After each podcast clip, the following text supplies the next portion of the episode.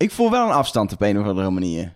Ja, normaal zit jij in Amerika en nu zit ik in Amerika. Nou ja, jij zit dat bij de Nee, finale. is niet waar. Jij zat, jij zat in, het, eh, eh, in het eerste Belgisch seizoen wat we afgelopen jaar hebben gemaakt, zat jij op een gegeven moment in New York. Ja, dat klopt. Nou, we, we houden we, in ieder geval van hetzelfde land. Dat, is één ding wat dat, zeker dat is. is zeker. Maar je bent, waar ben jij? Ik ben in Orlando, de, de eh, pretpark hoofdstad van de wereld. En ik hou heel erg van pretparken, dus ik zit hier helemaal goed. Zou je zeg maar een soort Wie is de Mol in Orlando en al die parken kunnen doen? Dat je dan achtbaanopdrachten krijgt en zo. Vet. Ja, ja, natuurlijk. Ja, maar er is hier zoveel. Er zijn wel eens achtbaanopdrachten geweest, ook. In Wie Ook is de in Mol? Amerika trouwens. In de, Ja, in de dingen, Sportland.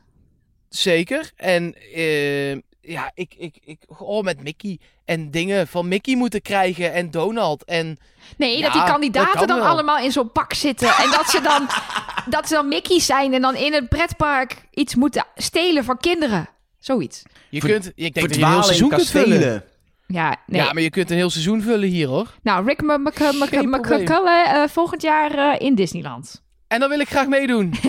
Ook dat. Het is wel jouw perfecte seizoen inderdaad, als dat zo zou zijn. Ja, dan ben ik klaar. Dan kijk ik daarna nooit meer.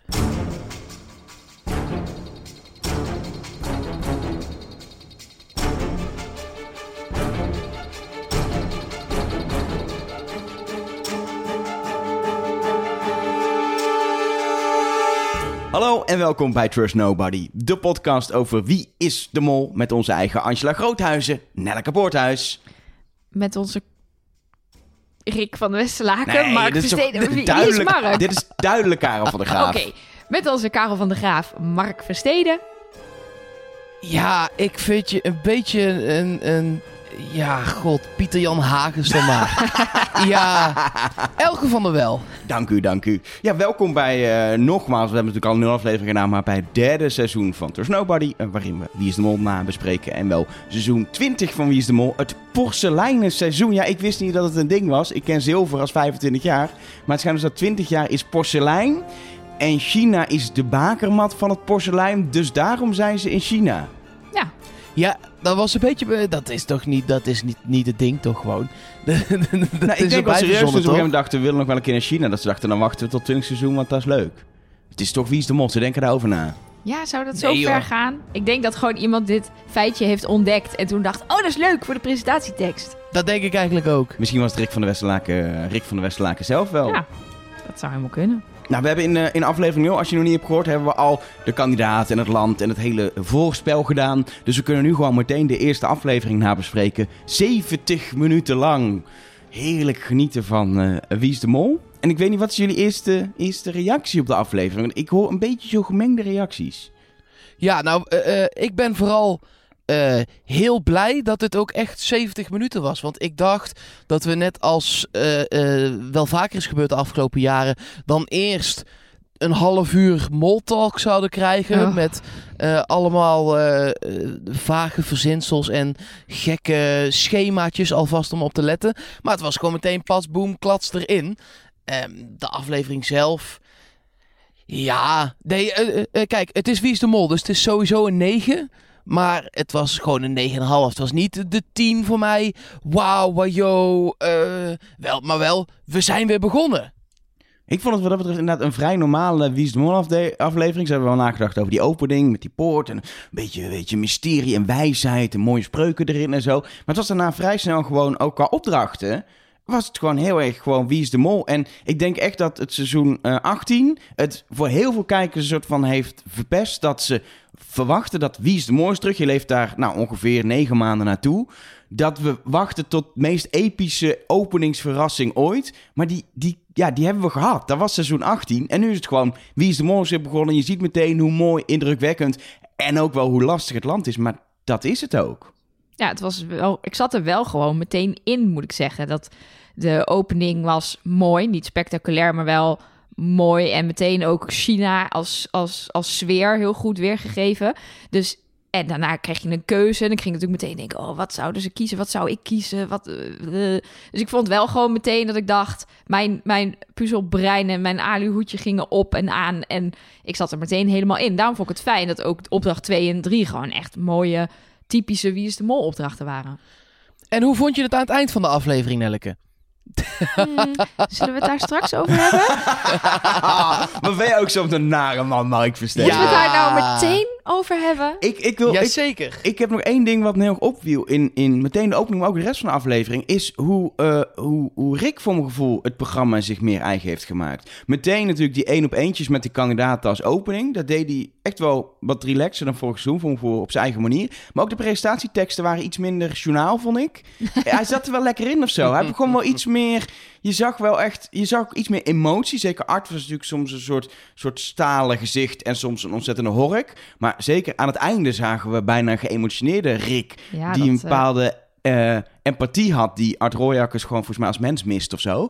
Ehm, maar ik vond het echt wel... Die, nee, ik heb er echt wel van, eh, van genoten, ook van Rick. Ik had wel het idee dat hij, dat hij ook terug heeft gekeken voor het seizoen. Toen is hij natuurlijk vrij snel erin gerold en gegaan. En dacht, ik ga het iets meer op die manier mijn, mijn, eigen, mijn eigen draai geven. Ja, hij heeft ook in een interview verteld dat hij er beter in zat eh, dan vorig jaar. Hij wist ook wie de mol was. Dat vond hij nu ook wel heel fijn. En vorig jaar had het er toch ook wel voor gezorgd dat hij toch bang was dat hij het zelf zou verklappen door iets doms te zeggen, terwijl hij, omdat hij niet wist wie de mol was. En eh, ja, het lijkt mij als presentator fantastisch om het zo te mogen beginnen. Dat je daar staat en dat jij tien keer die kandidaten voor het eerst het spel in ziet stappen en ziet wat er met ze gebeurt. En, en dat je daarna dan die mooie wijsheden mag uitspreken. Ja, ik vond dat een mooi begin. Ja, Zijn al die mensen op dat plein betaald, vroeg ik me nog af. het zijn kinderen, dus het mag niet. Nou, dat mag niet. Nou, in China Nee, kan die dat trommelband. Volgens mij. Ja, nee, maar die trommelband en zo, dat zal wel. Ik, eh, ik vond dat wel een indrukwekkend eerste beeld. Zo van bovenaf Ja. stonden gewoon eh 200, misschien wel 300 man op dat plein. En eh, dan, eh, ik moet dan ook gewoon meteen denken aan de productieafdeling die dat allemaal heeft moeten regelen. Want dat is wel. Eh, In de aftiteling stond wel eh, eh, great thanks aan de Chinese eh, cultuurambassade in Nederland. Dus dat is allemaal wel via eh, via geregeld. Ja, Ja, precies.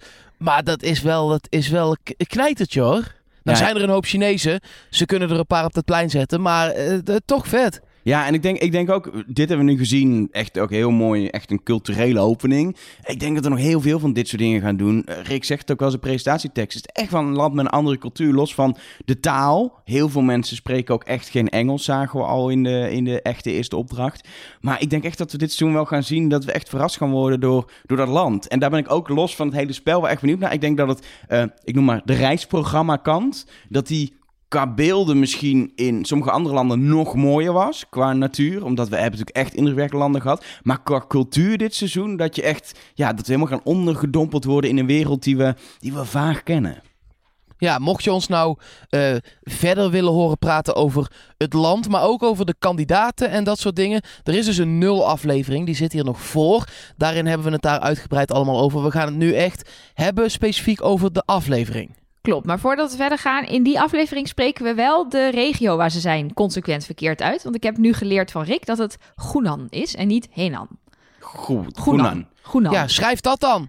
Ja, En hoe schrijf ik dan Sanmenxia uit? Ja, Hoe dat ik weet ik uit? niet. Dat Want dat klonk- staat alleen maar in beeld de ja hele dat tijd. klonk bijna Mexicaans in plaats van Chinees. Maar daar zitten ze blijkbaar. San Mengxia. Ja. Jij kan ook zo ik in die meteen aan denken. Je kan er zo tussen staan. Oh, mensen. We hebben ook nieuwe luisteraars, hè, Mark. Die moeten we nog een beetje, Oh, ja. eh, een beetje kennis laten maken dat het gewoon een heel eh, eh, kwalitatief hoogstaande podcast is waar ze naar luisteren. Wij gedegen analyses gaan doen van de keuzes die kandidaten maken. Zullen we dat dan nu gaan doen? Ja, tien kandidaten, één voor één naar binnen met de keuze tussen geluk en, eh, en wijsheid. En de conclusie was natuurlijk uiteindelijk, als je voor wijsheid koos, dan maakte je kans, als je een beetje puzzelde, op een zwarte vrijstelling. Koos je voor geluk, eh, voor een eh, normale vrijstelling. Eh, is dat ook is dat een logische associatie? Van wijsheid is, is een zwarte vrijstelling en geluk is een groene vrijstelling? Ja, ik snapte het wel. Ik zou zeggen, met ehm, een vrijstelling is een gelukje, want je hoeft niks te presteren eh, en je gaat toch door. Je hebt jezelf veiliggesteld. Ehm, het inzetten van een zwarte vrijstelling is wat meer een strategische zet. Wanneer doe je dat? Eh, je hebt er niet zelf iets bij te winnen, behalve dat jij weer eerlijk kans maakt om te winnen met kennis, en met wijsheid. Dus ja, misschien is dat het ook wel. Dat als je een zwarte vrijstelling inzet, dan geldt de wijsheid weer. Ehm, dan is de winnaar weer degene met de meeste wijsheid. En niet die met de meeste geluk. Ah, dat is een goede. Bedenk ik me nu te plekken. Maar Nou, ik moest meteen aan twee dingen denken. Ik dacht dat eh, wijsheid. Ik, eh, eh, we doen ook altijd de Vlaamse molden. Die kijken wij ook met heel veel plezier. En daar heb je eh, wel eens gehad. Nou, je hebt natuurlijk een joker. Waarbij, waarbij je een, een, een goede vraag.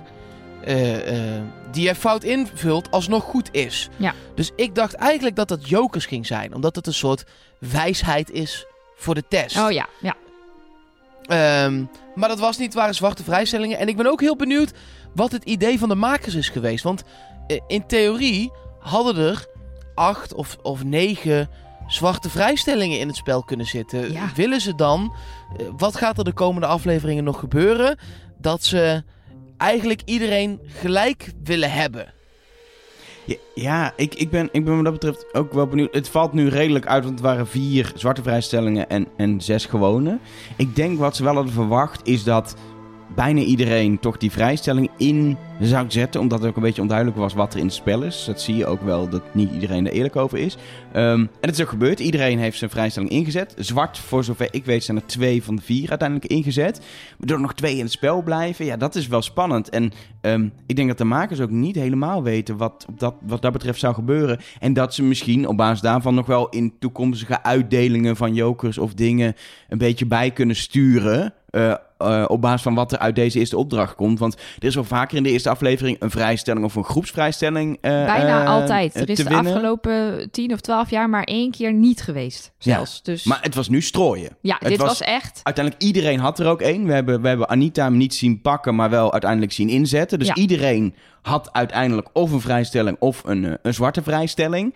Ja, dan, dan, dan is het ook wel, dat is denk ik ook wel de bedoeling van de opdracht geweest. Dan was die makkelijk genoeg om, eh, om die tekens uit te puzzelen. Dat iedereen iets zou hebben en dat er, ja, dat er een soort overvloed ontstaat die ook deels meteen weer uit het spel wordt gespeeld met één zwarte vrijstelling.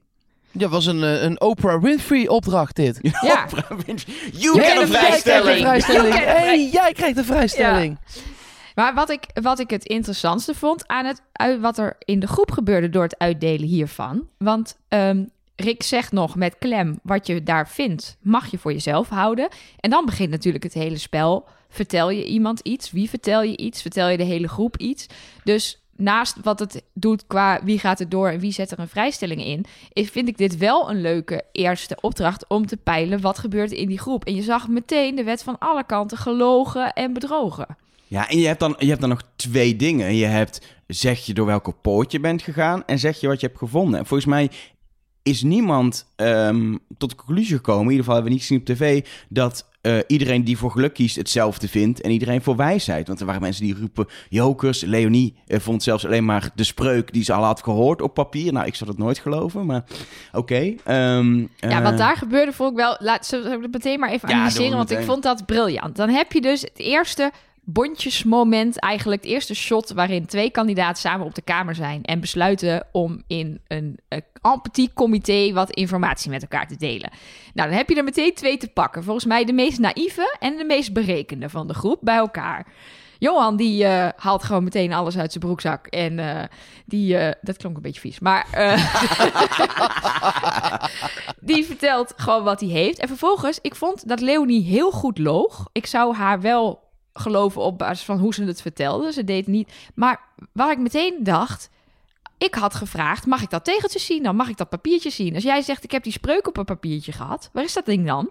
Dus ik zou nooit liegen dat ik iets heb gekregen wat ik niet fysiek heb. Want dan gaat, kan een kandidaat gaan vragen, nou laat maar zien die joker. Of la- dus ik zou eigenlijk, zoals Buddy laten doet, gelogen hebben. Ik heb mijn kistje niet open gekregen. Of, Ja, maar eh, Buddy loog echt over alles. ja, die heeft echt eh, helemaal niks eerlijk verteld. Over de poort, over zijn jaartal, over zijn, over zijn kistje, over...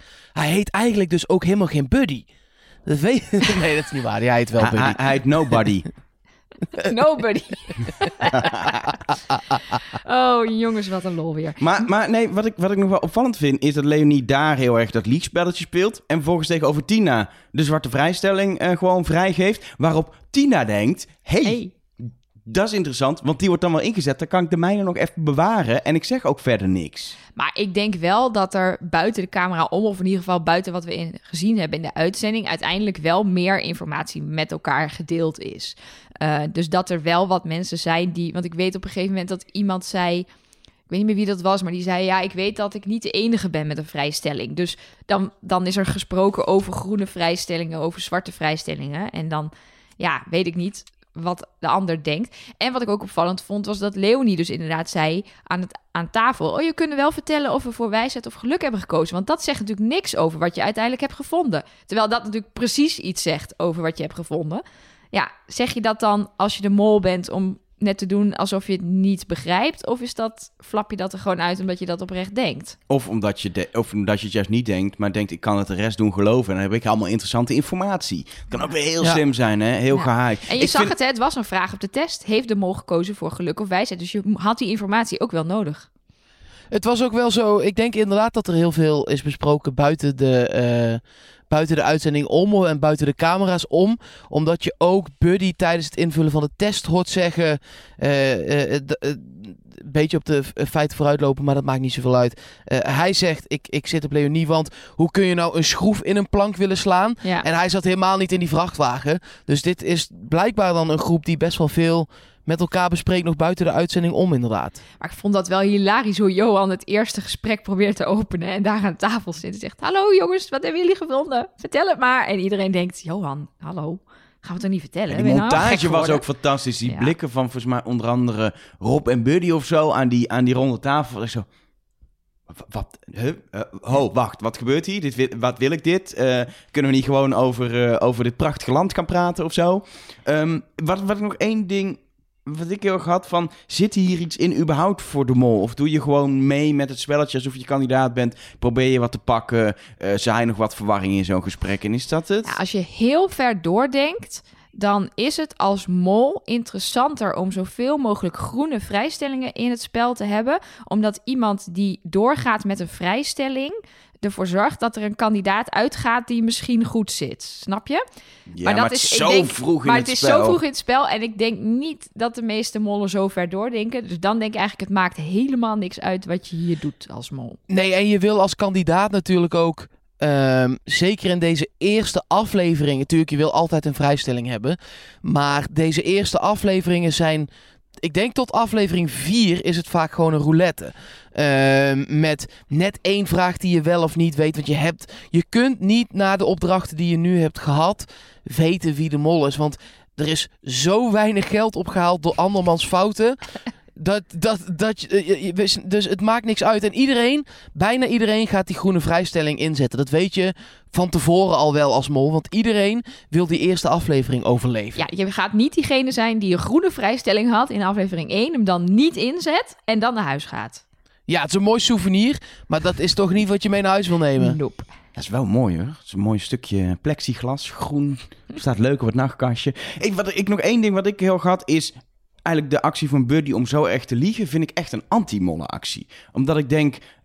Het is heel makkelijk deduceren. Anita doet dat ook. Van, hé, hey, er lag nog maar één... Ja, en eh, Leonie had het ook door, dus, dus er waren meerdere mensen die wisten dat hij loog. En het heeft nul zin. Ehm, en je wil juist nog helemaal geen aandacht op je trekken over liegen. Dus je wil vooral eh, misschien je mond houden. Maar als je iets zegt, wil je gewoon meegaan in de eerlijkheid. Want dan val je veel minder op. Buddy trekt zo de aandacht naar zich toe. Waarop ik meteen denk, nou, dat is een, dat is een minnetje in verdenking eh, aan, aan, eh, mijn, van mijn kant aan, aan Buddy. Dat is eigenlijk het enige wat ik uit die eerste opdracht heb gehaald. Dat, dat Buddy daarna een beetje zakt op mijn verdenkingenlijst. En verder, ja, kan ik Het feit dat jij dat denkt, is, is voor mij, daar komt er een plusje bij. En dat dit misschien wel eens het nieuwe type mol zou kunnen zijn. Die juist heel veel de aandacht op zich Maar vestigt. volgens mij moet je dit seizoen vooral niet naar mij luisteren, want ik ben ik de nieuwe Elger. ik denk dat elke week mijn mol naar huis gaat. Daar gaan we het Ja, straks, eh, maar straks Misschien over moeten hebben. we heel even voor, voor eh, eh, als je voor het eerst Trust Nobody luistert, welkom. Ehm, Oh, nu pas. zit- er zit- ja, nee, ja, nu, de, eerste deel, de leader van de aflevering kwam ook heel laat, hè? Ja, Dus na doe 20 gewoon nu- minuten, nu- dus wij kunnen ook Ja. prima 40 minuten podcasten en dan zeggen hoi. Ik doe nu de leader. Nee, maar het is wel go- goed om te vertellen dat ehm, alle hints en alle aanwijzingen, dat zit in een, in een los blokje aan het eind. Ja. Als we zelf iets hebben gevonden, dan eh, eh, vertellen we het nu uiteraard. Maar ik, ik kan me zo voorstellen dat er eh, op, het internet, op, op de wereldwijde interwebs ehm, bijvoorbeeld al dingen zijn gevonden over wat er in die zinnetjes van de wijsheden zaten. ehm, en dat soort dingen. En dat zit dan allemaal straks in een blokje. Yep. Ja, heb- hoe keken jullie wel naar die, naar die wijsheden? Want ik heb ze wel allemaal lopen meeschrijven. Op een gegeven moment ging het te snel. Heb ik ook allemaal zitten terugkijken om al die zinnetjes te hebben. En tot de conclusie te komen. Ja, zit er dan een advies in wat echt een, een moladvies is? Of, ik, kan, ik heb er niks Nou, uitgehaald nog. Ik moest meteen denken aan het seizoen in Zuid-Afrika, waar in de eerste aflevering de priester vertelt dat Kees de mol is. Eh, dus, maar toen dacht ik meteen, ja, dat gaan ze niet nog een keer doen. Hoewel we natuurlijk al wel zagen dat deze aflevering vol zat met verwijzingen naar andere seizoenen. Daar zeker ook bij de laatste opdracht nog meer over.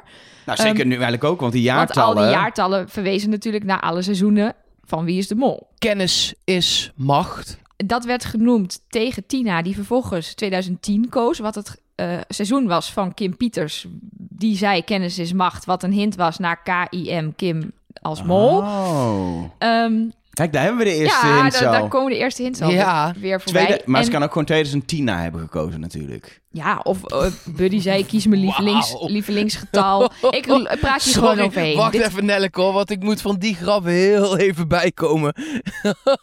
Daar is het hier nog te vroeg voor. Dit seizoen doen we het een beetje anders. Doe ik de grappen. Heb jij het fout, Mark, dit seizoen? Dat leek me wel leuk. Oh, dat is goed. Ja hoor. Wie doet dan het aluhoedje? Ja, dat nog. blijf jij gewoon doen. Oh, oké. Heb ik toch geen zin in. Maar ehm, wat wou, ik was een punt aan het maken. Ja, sorry. Ehm, nou ja, dat, dus, eh, dat ik dus wel aandachtig heb geluisterd naar die adviezen. Ehm, maar wat ik nog even vergeten ben te doen, is opzoeken of dit daadwerkelijk uitspraken van Lao Tse zijn. Dat eh, bedacht ik me tijdens het kijken dat ik dat even moest doen, maar dat heb ik niet gedaan. Ik ga ervan uit van wel. Dat het echt... En misschien stonden ze wel op de muur. Hmm. Op die... Ik kan geen Chinees, eh, dus ik weet ook niet wat voor een taal. Volgens mij heb je ook Nou. meerdere... Je hebt Mandarijn en Kun je geen Kantonees. Chinees? Nee, Maar wat hadden we nou af? Jij zou, jij Ja. zou Chinees leren. ja, ik heb het alleen maar opgegeten, maar ik heb het niet geleerd.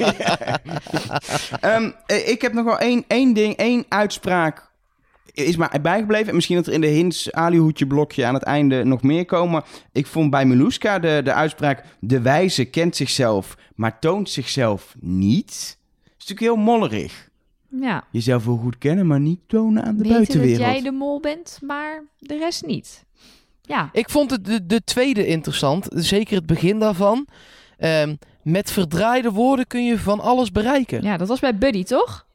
Eh, ja, dat was bij de, de tweede die ging. Dat was Buddy, ja. Ehm, en ehm, ik heb wel en niks gevonden. Spoiler. Eh, alle woorden uit dingen verdraaid en uit elke zin één woord proberen te pakken. En van alles geprobeerd al, omdat eh, eh, Rick dat zei. Maar nog niks. Nog niks. Oké, nog niet. Ja, dit zijn ook van die dingen, hier kunnen we nog een heel seizoen op, op doorpuzzelen. en wie weet komen we aan het einde erachter wat het heeft betekend. Ja, volgens mij moeten we dit gewoon wel afronden. Want inderdaad, we, kunnen, we komen hier vast nog op terug. Of we zien opeens links naar die uitspraken nog in het seizoen. En dan heb nog we wel hebben. opmerking over. We zeggen nu trouwens heel vaak nog één ding. We zijn nog lang niet klaar met deze podcast. Nog dus er komen nog heel veel dingen. Eh, maar één ding wat ik nog even over de jaartallen wil zeggen. Is dat ik aan het einde van de opdracht dacht. Huh, maar die jaartallen die, dat, die zeiden niks. Daar gebeurde niks meer. Uiteindelijk kwam iedereen bij een, bij een vrijstelling, zwart of groen terecht. Maar toen uiteindelijk Tina ging bewijzen aan Leonie welk jaartal ze had gekozen, had ze dus nog die sleutel.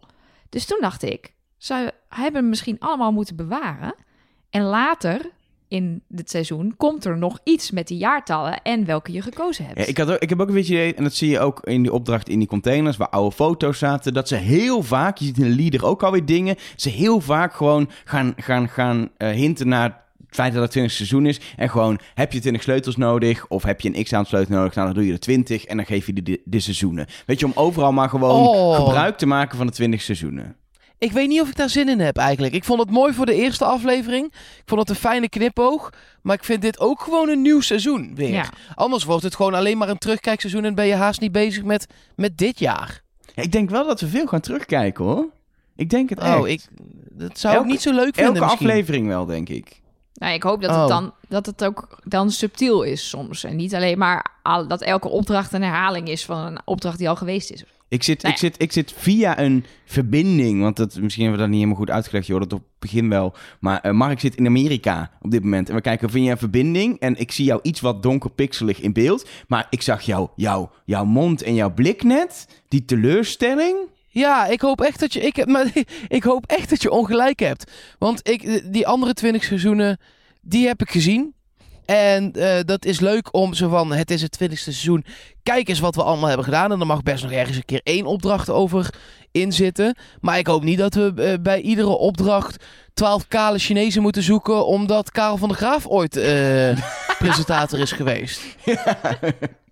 nee, Nee. nee. Nee, ik snap je punt. We gaan het gewoon, laten we het gewoon over ons heen komen. Is dat niet gewoon het handigste? Dat is goed. En dan kunnen we kritisch zijn op het moment dat we het stom vinden. Ja, nee, ik kreeg gewoon even een tikkie van je woorden, sorry. Dat mag. Ehm, ik denk dat het goed is om eh, door te gaan met eh, de opening van de aflevering. De leader. Eh, ik heb uiteraard de volgorde opgeschreven van de kandidaten. Waar garandeerd geen hint in zit. Maar ik heb hem opgeschreven in een molboekje. Maar hebben jullie verder dingen? Het is natuurlijk weer een, een leader met naast de kandidaten heel veel fragmenten uit de afleveringen die komen gaan. En beelden van het land. Ik heb wel weer een hint eh, voorbij zien komen online, maar dat komt dus in het eh, hints- en theorieënblokje, denk ik. Ik eh, vond het vooral wat ze eh, tegenwoordig slim doen, is dat ze de kandidaten niet meer in opdrachten in beeld brengen.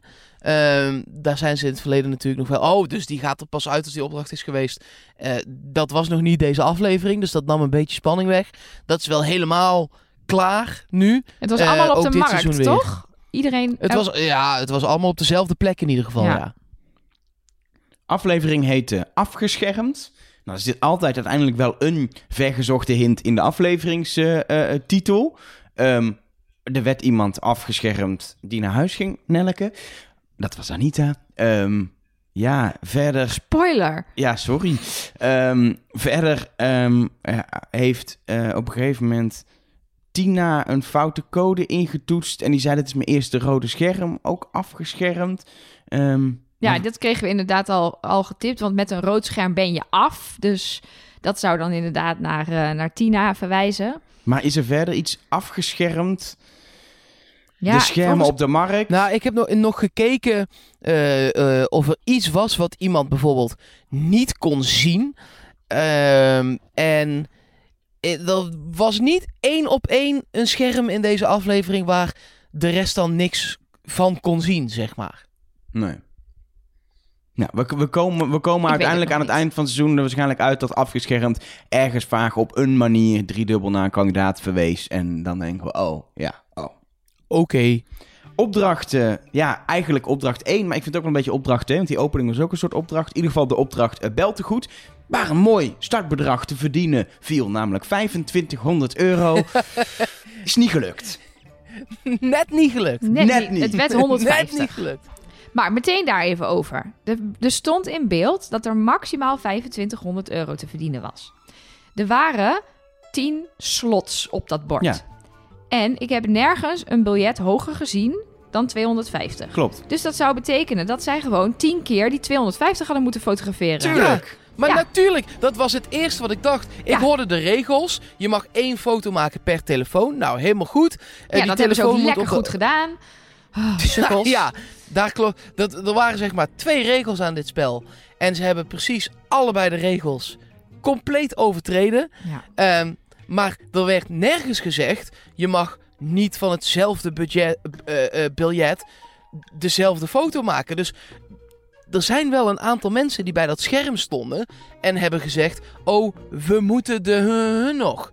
Eh, we moeten de tientje nog, we moeten de 50 nog. Ja, alsof Terwijl- het een soort van verzamelen was. We moeten verzamelen ze allemaal. Maar Ja, dat, Dat- is helemaal niet het ding. Buddy stond bij het scherm en Johan stond bij het scherm. En die waren dat heel op het oog gecoördineerd aan het regelen. Zo van, hé, hey, eh, we moeten de rechterkant van de 10 nog. Dan dacht ik, nee, je moet gewoon alleen maar 250. ja.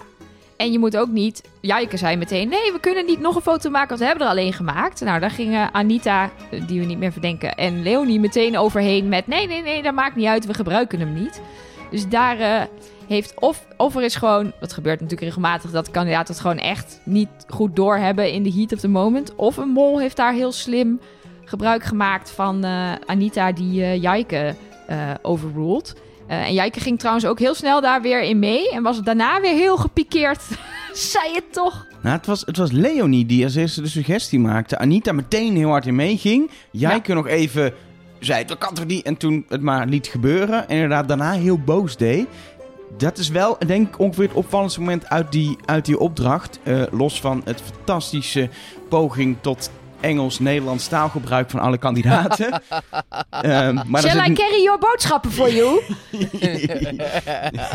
ja, nee, dat was echt, echt fantastisch. Ik vond, wel, dat, dat, ja, ik vond het wel echt een leuke opdracht om te zien hoe je dan inderdaad als een kip zonder kop, wat Anita ook nog zei, alle chaîne gaat weg en je gaat meteen de grens over en je gaat meteen keihard aan de slag. Maar het was wel ook een beetje chaotisch en niet echt heel goed te zien wat er nou precies gebeurde. Ik had bijvoorbeeld het idee dat Miluska helemaal niks deed totdat de tijd voorbij was. En toen kwam ze aanlopen buiten de tijd met iemand.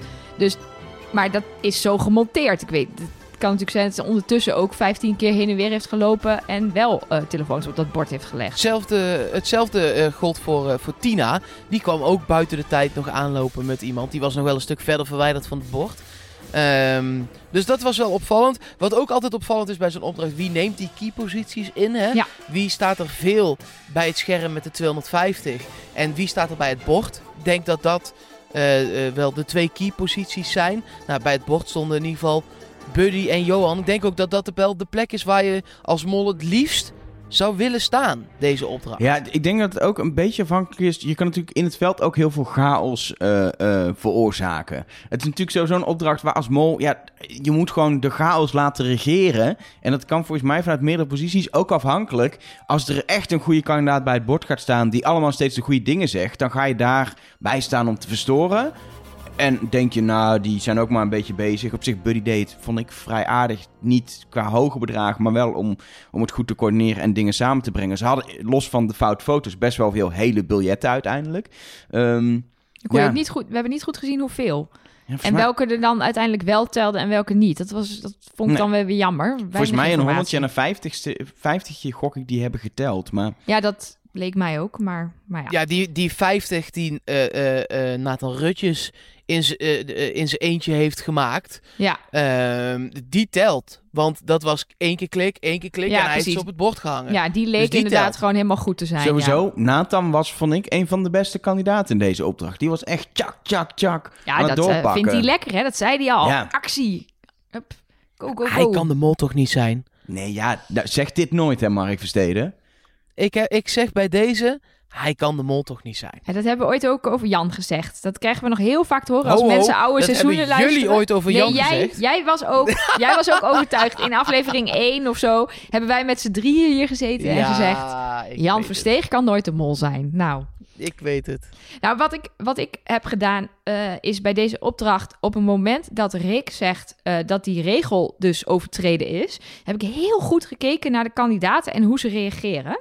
Ehm, nou, je ziet Jaike, volgens mij, ik interpreteer het als een mega fanatieke kandidaat. Echt denken, shit, ik zei het toch. Ah, irritant. Eh, Buddy reageert ook op zo'n fysiek overdreven manier. Rob Dat zegt... doet hij bij alles. Precies, dat doet hij bij alles. Eh, dus dat vind ik ook wel passen bij wie hij is. Maar dat zou, ik zou dat als mol ook niet zo groot spelen. Dan zou ik ook niet echt zo mijn handen in de lucht gooien en roepen: oh nee. Eh, Rob die zei: ja, zie je? soort van, zei ik toch? Ehm, Leonie die doet een beetje verdacht, vind ik. Die Vond ik kijkt ook. weg, die, die, die doet volgens mij de handen op de gezicht en kijkt een beetje naar beneden. Ehm, en wat ik ook wel heel grappig vond was, ik lette op de micro-expressies. Dus de allereerste, zeg maar, wat je gezicht doet op het moment dat je iets hoort. Ehm, dat verraadt soms wat je echt vindt, ook al ga je daarna je bewust je gezicht in een andere plooi trekken. En Klaas, die walgde van deze mededeling. Die had echt zo, weet je, zo'n opgetrokken mondhoek en zo'n gerimpelde neus. Zo van, "Ugh, Rick, wat zeg je nou? Dus dat vond ik oprecht lijken. Zo van, oh nee, het is mislukt. We hebben maar 150 euro. Er was uiteindelijk natuurlijk, laten we wel wezen, maar één echte mollenactie. Dat was die mevrouw die drie minuten voor het einde de telefoon terugpakte. Omdat ze naar de pedicure Ja, moest. of was het Johan die haar de telefoon teruggaf? Want zo vond ik het op beeld ook echt nog wel een beetje lijken. Nee, volgens mij greep ze hem echt zelf uiteindelijk. Maar Ja, maar, Ja. Nee, maar nee, zij pakte hem wel, maar meer... Hij heeft op een gegeven moment gewoon gezegd... Ja, oké, pak hem dan maar. ja, Dat, precies. dat, dat is wel... Hij had er nog meer nog voor kunnen gaan liggen. Ja, go Ja, to work, yeah, go to work. We not win, we not win, heeft hij waarschijnlijk gezegd. Ja, ja, nou ja, misschien heeft hij dat dus niet eens gezegd. Hij heeft alleen maar gezegd, nog vier minuten. En daarna zei hij, ja, oké, Lau, la- laat ook maar. Eh, ga, ga dan maar. En dat, dat- als je echt wil, dan, dan hou je dat geld wel gewoon nog even twee minuten daar. Met kunstvliegwerk en je gaat ervoor staan. Hij was wel Ehm. dubbel zo lang, dus dan had ze er niet bij gekund als hij ervoor Daarom, staan. daarom. Ehm, nog eh, één kandidaat. Eh, ik zei net, Nathan, dat kan de mol toch niet zijn. Datzelfde heb ik inmiddels ook met Klees. Waarvan ik het heel lastig vind dat ik hem Klees moet noemen. Want in mijn hoofd heet hij gewoon Klaas. Maar Klees, die pakt namelijk een van die telefoons. Die brengt die telefoon met het mannetje dat bij de telefoon hoort naar dat scherm. En gaat dan weer. en wat het mooie daarin is, is dat die telefoon, of hij telt, geen idee, maar die telefoon hangt aan het einde nog op het scherm. Dus eh, als dit een molactie was geweest, dan was het pas een molactie geweest als die telefoon ook weer... Als die man gewoon weer was vertrokken met zijn telefoon. Ja, dus eh Klees heeft voor mij wel een, een minnetje gekregen eh, in Is Hij de Mol. Ja, die man die durft niet meer aan de telefoon te komen. Omdat die camera nog 10 seconden lang hem in beeld nam. en hij stond Ja. te kijken. Ik durf niks, weet je. Ze zijn gewend om een beetje door de overheid in de gaten te worden gehouden in China. Dus die durven niks als zijn lens zien. Dus die durft gewoon zijn telefoon niet terug te pakken, denk ik. Nee, nee. En eh, eh, ik, ik weet niet hoe het met jullie zit, maar ik vond toch wel ook... eh, ja, Leonie is gewoon in alles verdacht. Ja. Want die heeft ook een overbelichte foto teruggestuurd. Terwijl ik denk, ja, als je toch maar een beetje kan zien wat erop staat, dan telt hij echt wel. Het is geen fotograaf, het is niet, eh nee, ik zou, maak de gok, mooiste foto. ik zou de gok gewoon nemen. Van nou, hang hem daar maar op en door met iets anders. En eh, als ze gaan klagen Ja. dat hij niet zichtbaar is, dan horen we dat dan wel weer. Ja, en zij zei in haar biecht, na afloop, zei ze in de camera... 150 euro, de mol is blij. En toen dacht ik, ja, dit is natuurlijk wel echt zo'n leuke biecht als je de mol bent. Dat je dan eigenlijk het over jezelf hebt. Maar goed, dat was mijn eh, Jouw interpretatie. interpretatie. ja, hebben we nog meer te zeggen over deze opdracht? Volgens mij hebben we alles wel een beetje besproken. Dat denk ik ook. Ja, M- meest verdachte kandidaat in deze opdracht? Leonie. Ben ik het wel mee eens? Tina en Buddy. Oh, Toch. Interessant. El Elge zei dat hij dat heel georganiseerd deed. Ik vond dat dus ook niet. Ik vond het veel eh, aanwijzingen. En dat kan allemaal gemonteerd zijn natuurlijk. Maar voor mijn gevoel heeft hij daar gewoon de hele opdracht staan roeptoeteren. En toch echt wel wat, eh, wat eh, paniek veroorzaakt. Gewoon die, die man die slikt ADHD-pilletjes terwijl hij geen ADHD heeft. En daar word je dan heel druk van, denk ik. Want dat is, dat, dit, dat is overemotie tot en met. En wat me ook opviel is dat op het moment dat ze nog één kant van de 250 moesten, leek het alsof je dat heel duidelijk gecommuniceerd had. Maar uiteindelijk waren toch zes mensen de verkeerde kant aan het zoeken. Dus daar is Ja. toch iets misgegaan. Dat vond ik ook opvallend. Dat ik denk, ja, volgens mij was dat redelijk duidelijk. Maar er was ontzettend veel verwarring. En dan eh, moet er een, eh, een penningmeester worden gekozen. Want er is geld, het is niet veel, maar dat moet in iemands, eh, in iemands eh, broekzak verdwijnen en hopelijk ook weer uitkomen. En dat is wel handig als het iemand is die dat geld ook bij kan houden. Dus wie kies je dan? Ja, blijkbaar Johan. Vroeger was het zo dat je als mol eigenlijk best wel meteen penningmeester wilde zijn. Hè? Een aantal seizoenen geleden. Mhm. Want ja, dat, dat wisselde eigenlijk pas als diegene die penningmeester was er ook daadwerkelijk uitvloog, zeg maar. Ehm, maar we hebben nu wel veel vaker gezien dat, ehm, dat dat wisselt wel eens na twee, drie, vier afleveringen. Soms zelfs per aflevering of per dag. Ehm, en dan wil je met zo'n bedrag als mol dat penningmeesterschap nu nog niet hebben. Want ja, om nou van die 150 euro, want dat was er verdiend. eh, ja, als je daar een derde van verliest, dat is de moeite nog niet echt, hè? Nee, en ik, ja, er waren er nu maar twee die heel expliciet zeiden: Ik wil het wel worden. Dat waren Johan en Tina. Eh, bijna alle andere mensen op Nathan en eh, Buddy na, die wilden het niet worden. Dus toen gingen ze steen, papier, schaar doen. En toen werd Johan het. En Johan zei zelf ook: Nou, het is helemaal niet handig, want ik raak alles kwijt. Maar ik ben nu in ieder geval penningmeester en nu heb ik ook een beetje verdenking op me. Dus het leek echt een actie zo van: Ik heb dit bedacht als kandidaat eh, om voor het penningmeesterschap te gaan, zodat andere mensen denken dat ik de mol ben. Terwijl ik juist zou denken, ja, eh, je bent niet de mol, want het valt veel te veel op. Ja, en eh, het, het is niet verdacht, want je hebt er een gokspelletje om moeten spelen. Ja. Ja. De, de- dus het, het, het- het is mazzel dat je het bent geworden. Het is, je hebt er niet voor gestreden. Ja, wel, maar met mazzel zeg maar. Het was niet een hevige discussie over ik moet het zijn of... Dat was helemaal niet. Nee. Dus ik denk dat, we, dat dat gewoon nu nog niks betekent. Maar ik ben wel benieuwd of er nog weer iets komt binnenkort... waarbij de penningmeester een bijzondere rol speelt. Want dat gebeurt natuurlijk ook nog wel eens. Dat de penningmeester moet bepalen hoeveel er ingezet wordt bij een bepaalde opdracht. En dan, dan heb je natuurlijk als mol een goede positie.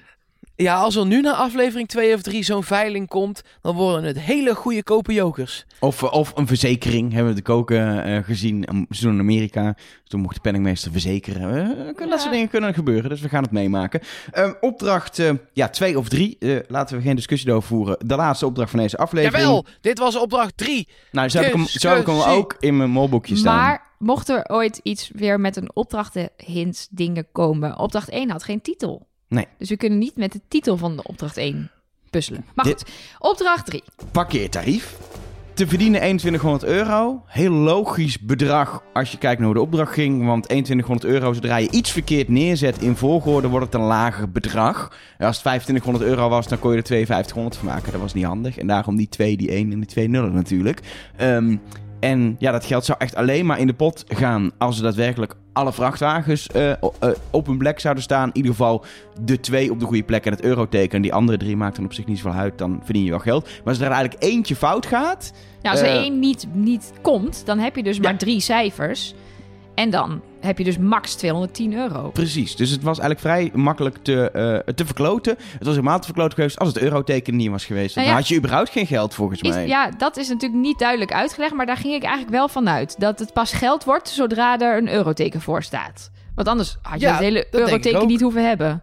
Nou, waar wil je dus mol zitten? Bij het euroteken en zorgen dat het niet komt. Wie stond er als eerste op de juiste plek? Het euroteken. Ja, en Miljuska was daar echt aan het knallen. Um, ik, uh, heb een, ik, ik ben voornamelijk van Follow the Money. Um, en ik heb er dit seizoen ook een, een mooi plaatje van gemaakt. Ik denk dat je dat wel al kan vinden als we uh, de podcast online zetten, toch? Dan staat het plaatje ook Ja, het staat online. sowieso uh, in de show notes op de website trustnobody.nl. Dus daar, en ik denk ook dat het op de socials nog wel gaan delen. maar op de website sowieso. Ja, en um, daarin heb ik, nou ja, zoveel, zoveel werd er met deze aflevering niet uh, uh, binnengehaald. Um, maar ik heb haar wel een groter deel gegeven, want zij zat tot drie keer toe, zeg maar, had zij het key moment. Zij had en het getal met de molletjes uit de grijpkranen, dat het niet op de molletjes stond, maar dat het de mollen zelf waren. Precies, ze had het um, goede idee om te gaan ja, tellen. Ik vond het nog grappig, want eerst vond ik er nog verdacht... omdat ze überhaupt wilde gaan grijpen dat het niet moest. En helemaal, oh dat grijpen vind ik zo leuk. En helemaal daarop ging focussen, dat tijd verloor. Maar toen ze inderdaad even later het juiste antwoord gaf... toen, uh, uh, toen dacht ik ook, oh, maar dan, dan, ben je, dan ben je de mol niet. Ja, maar het is toch ook volledig logisch? Je hebt een grijpautomaat, je hebt munten, er ligt een molknuffel. Dan ga je toch als eerste die knuffel grijpen... om te kijken wat erop staat? Logisch, ja. Ja. Maar daarna had ze Maar inderdaad had het juiste dus goed. idee. Ja. Eh, Ze, ze had het idee om toch maar eens heel even op de vrachtwagen te gaan kijken... ehm, wat er nou precies op stond. En ze had als derde ook nog het idee... oh, maar dan moeten we... Ze hadden nog niet gezien dat het getal waar je je moest parkeren... gewoon aan de sleutel hing. Nee, Maar dat ze had hadden ze wel niet het idee- gezien, ja. Nee, maar ze had wel... eh, eh, juist daarom is het gek dat ze het idee had... oh, maar van de andere kant zie je het natuurlijk van links naar rechts... dus wij moeten hier van rechts naar links. Ja. Dus ze had drie keer het juiste idee... waar je de opdracht mee kon doen slagen. Precies, dus dat vind ik je dat ontzettend gewoon, eh, onverdacht eigenlijk. Ja, dan kun je dat ook na een seintje van een productiemedewerker gewoon lekker doen als je eh, weet van de productie hoe het er in die andere vrachtwagens aan toe ging. Want er waren er een paar aan het klooien. Ja, maar zij had niet een oortje in stiekem waarin ze in contact stond met, eh, met de productie. nee, maar als een, als een productiemanager zo heel even zo twee vingers links voor het linker oog doet, dat het dan oké is. Nou, la- Maar, laten we... Laten maar we... mag ik, ik wil heel veel iets over Nathan zeggen hier. Want eh, die zaaide dus wat verwarring in de auto van... ehm, ik weet niet precies waar we naartoe moeten. Ehm, ik dacht wel, stel dat hij de mol is... volgens mij had hij geen kans om hier bij Miljuska eh, de, de boel te saboteren. Want ja, ze had met die mollen het goede idee. Ja, dan ga je die code proberen op dat cijferslot. En dan gaat die open. Ja, dan blijf je niet in die vrachtwagen zitten. Vervolgens eh, springt zij eruit om op naar dat euroteken te gaan kijken. Kan je ook niks aan doen. En vervolgens heeft ze best wel een stevige mening over waar die naartoe moet. Die klopt. Ja, daar valt ook niks tegen in te brengen. Dus volgens mij was hij hier een beetje, als hij de mol was, weerloos. Zij is sowieso wel heel zeker van de zaak. Ik denk dat dat nog hele leuke dingen gaat opleveren in volgende afleveringen, waarbij zij ook zo zeker gaat zijn van haar zaak.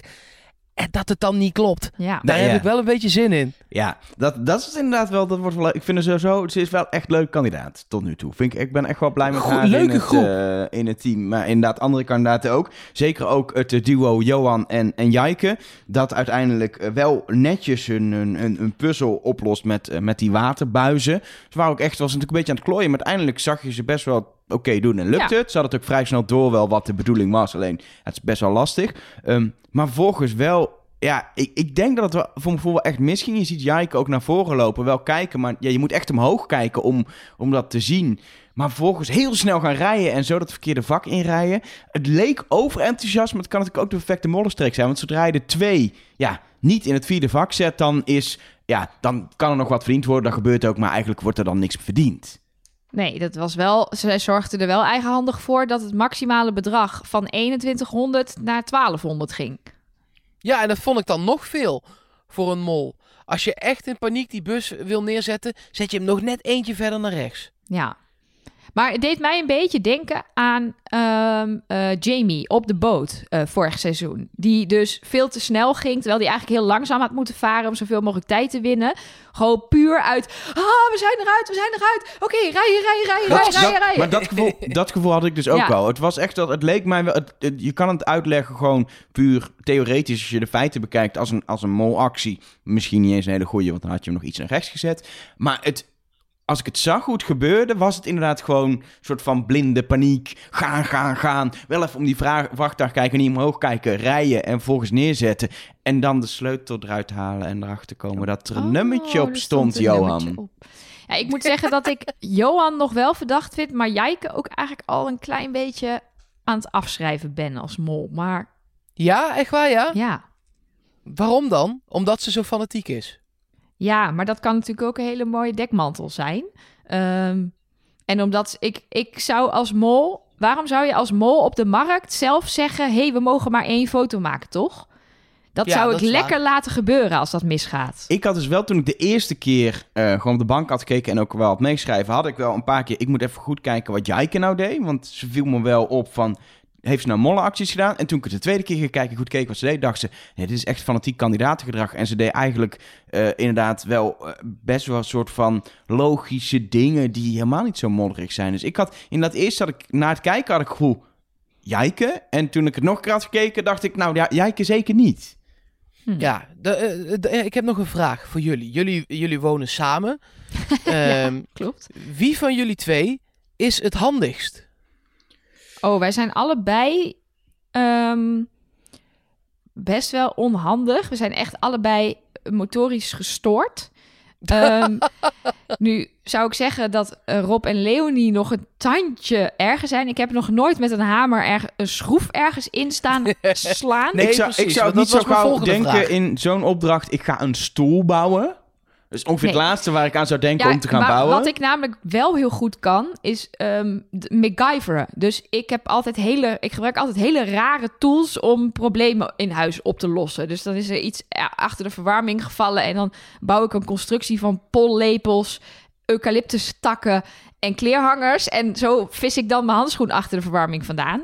Ehm, dus ik denk wel dat ik daar een constructie had kunnen bouwen. Die dan misschien niet, die dan wel een, een, een eh, zit er wel een spijker in mijn vinger als ik dat heb gebouwd. Dat wel, maar het staat er wel. En voor de luisteraars, dit is een waar gebeurd verhaal. Inclusief de eucalyptustakken, maar dat even terzijde. En nee, er zijn geen Nou ja. beelden van helaas. Ah, jammer. Nee, ja, ik, ik, vond dit, ik vond dit zo dom. Je moet aan twee kanten van de vrachtwagen knoppen induwen. Of ja, eigenlijk aan vier kanten, want ook op de bodem en op het plafond. En dan bouw je een stoel. Ja, wat, ik, wat ik hier opvallend vond is, Rob die de suggestie voor de stoel en Leonie gaat meteen mee. En ze deden op de markt ook al. Toen riep Anita iets over dat extra foto's maken, of deze doen we weg, zoiets riep. En Leonie ging meteen mee. Leonie is een meeganer, wat een perfecte molrol is om, zodra iets doet wat in jouw voordeel is, bevestigen en zorgen dat het gebeurt, zonder dat je zelf heel erg opvalt en de aanstichter bent. En dat heb ik Leonie in beide opdrachten zien doen. Ja, dat is voor mij wel een alarmbelletje hoor. Was het überhaupt de juiste oplossing? Denken jullie alle knoppen tegelijk indrukken? Ja, Oh, d- dat denk ik wel. Ja, oké. Nee, ja, even Ja. Voor, voor de z- zekerheid. We hebben natuurlijk nooit bevestigingen opgekregen. Maar ja, ik, er waren zoveel opties. Je kan, je kan al die latten aan elkaar doen, zodat het tussen twee knoppen zit, zodat je die al in elkaar drukt. En je hebt niet eens... Nou ja, het- er waren zoveel mogelijkheden en een stoel was er niet één van. Ja, blijkbaar wel. Nou ja, niet wat het lukt. En het was, kost ook veel te veel tijd om te maken. Nou ja, Ja, en het- maar daarna, daarna zei hij, ja, nu kan ik niet bij diegene op het plafond, dus de stoel moet hoger. Maar ja, als je de stoel hoger maakt, kun je weer niet bij diegene op de vloer. Oh, Dus het ja. slaat echt helemaal nergens op. Nee, dat was, eh er was, werd behoorlijk eh, gekloot daar. Ja. ja. Tina en Klaas, de fotoopdracht. Ehm, wel eh, lekker gewerkt door degene die de, ja, de productie slash set dressing heeft gedaan. Want wat een rot werk om al die foto's daarop te hangen. Ehm, maar ik had het idee dat ze wel echt matig bezig waren. Eh, dat op een gegeven moment zeg maar een paar foto's niet weggaan.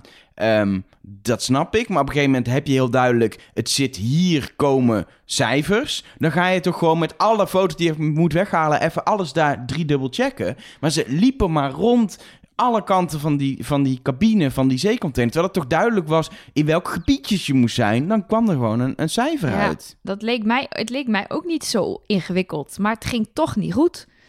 Nee, Best wel niet en, en goed. ruim niet. Nee. Nee, en Ti- Tina die... dit is een beetje hetzelfde geval als net met die vrachtwagen die ze heel snel in dat vak zetten.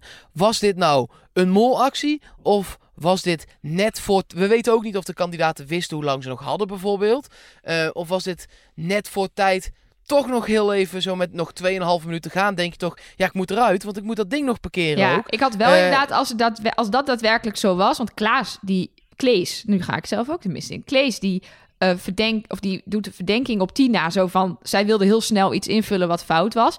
Maar dat zou ik ook doen als er inderdaad nog twee minuten over zijn. Dan denk ik, ja, laten we dan maar wat doen. Want anders zitten we hier vast. Maar dat was niet duidelijk op welke tijdstip Nee. dit gebeurde. Ehm, ik zat te denken, toen ze zo met die foto's en met de ruggen naar elkaar toe aan het werken waren... dacht ik, hey, als mol kan je natuurlijk ook foto's omwisselen... en die cijfers onduidelijk maken. Maar nou is er gelukkig een luisteraar, eh, Ronald Meijer... en die heeft alvast even een screenshot-onderzoek gedaan... en er zijn geen foto's verplaatst. Nou, dat scheelt Dus weer. Hoef heel jij het niet te doen. Precies, dat er mensen Ja, zijn die dit voor ons doen. Dus nou ja, eh, chill. Dus dat is volgens eh, Ronald niet gebeurd. Nou, Ronald, dankjewel. Nou, we hebben dus nog eh, eh, Buddy en Anita. Een, een, een lege zeecontainer met blijkbaar ergens in een hoekje weggemoffeld de sleutel. Ja, vond ik een raar verhaal. Ja, ik ook. Ik hoopte dat... Je hebt dat wel eens bij van die Japanse... Kijken jullie Japanse spelshows? Nee. Nee. Van die, van die Takashi's Castle en zo? Nee, geen idee wat Eh, dat is. Ja, dat, nou ja, daar gaan heel veel mensen van een berg af. En eh, er moeten uiteindelijk een aantal mensen door deuren heen en zo. En sommige van die deuren, daar zit dan geen slot op. Of dat is helemaal niet dicht. Die kun je gewoon openmaken. Ik hoopte, want dat probeerden ze niet, dat het sleuteltje gewoon in het slot zat. Ik- Dit is wat Elger zei tegen mij toen we zaten te kijken. hey, zit die deur eigenlijk wel op slot? Kunnen ze niet gewoon naar buiten? Nou, ze had wel op slot, er lag gewoon een sleutel. Wat ja, ik- maar lag er gewoon een sleutel? Het was zo onduidelijk. Ze hadden daar in die hoek ook al drie keer gezocht. En uiteindelijk... Oh, oh daar is de sleutel. Ik, ik weet niet, het was heel onbevredigend. De rest moest allemaal hele interessante opdrachten doen. En hier was echt de opdracht, vind de sleutel. Het zou een molactie van Buddy kunnen zijn.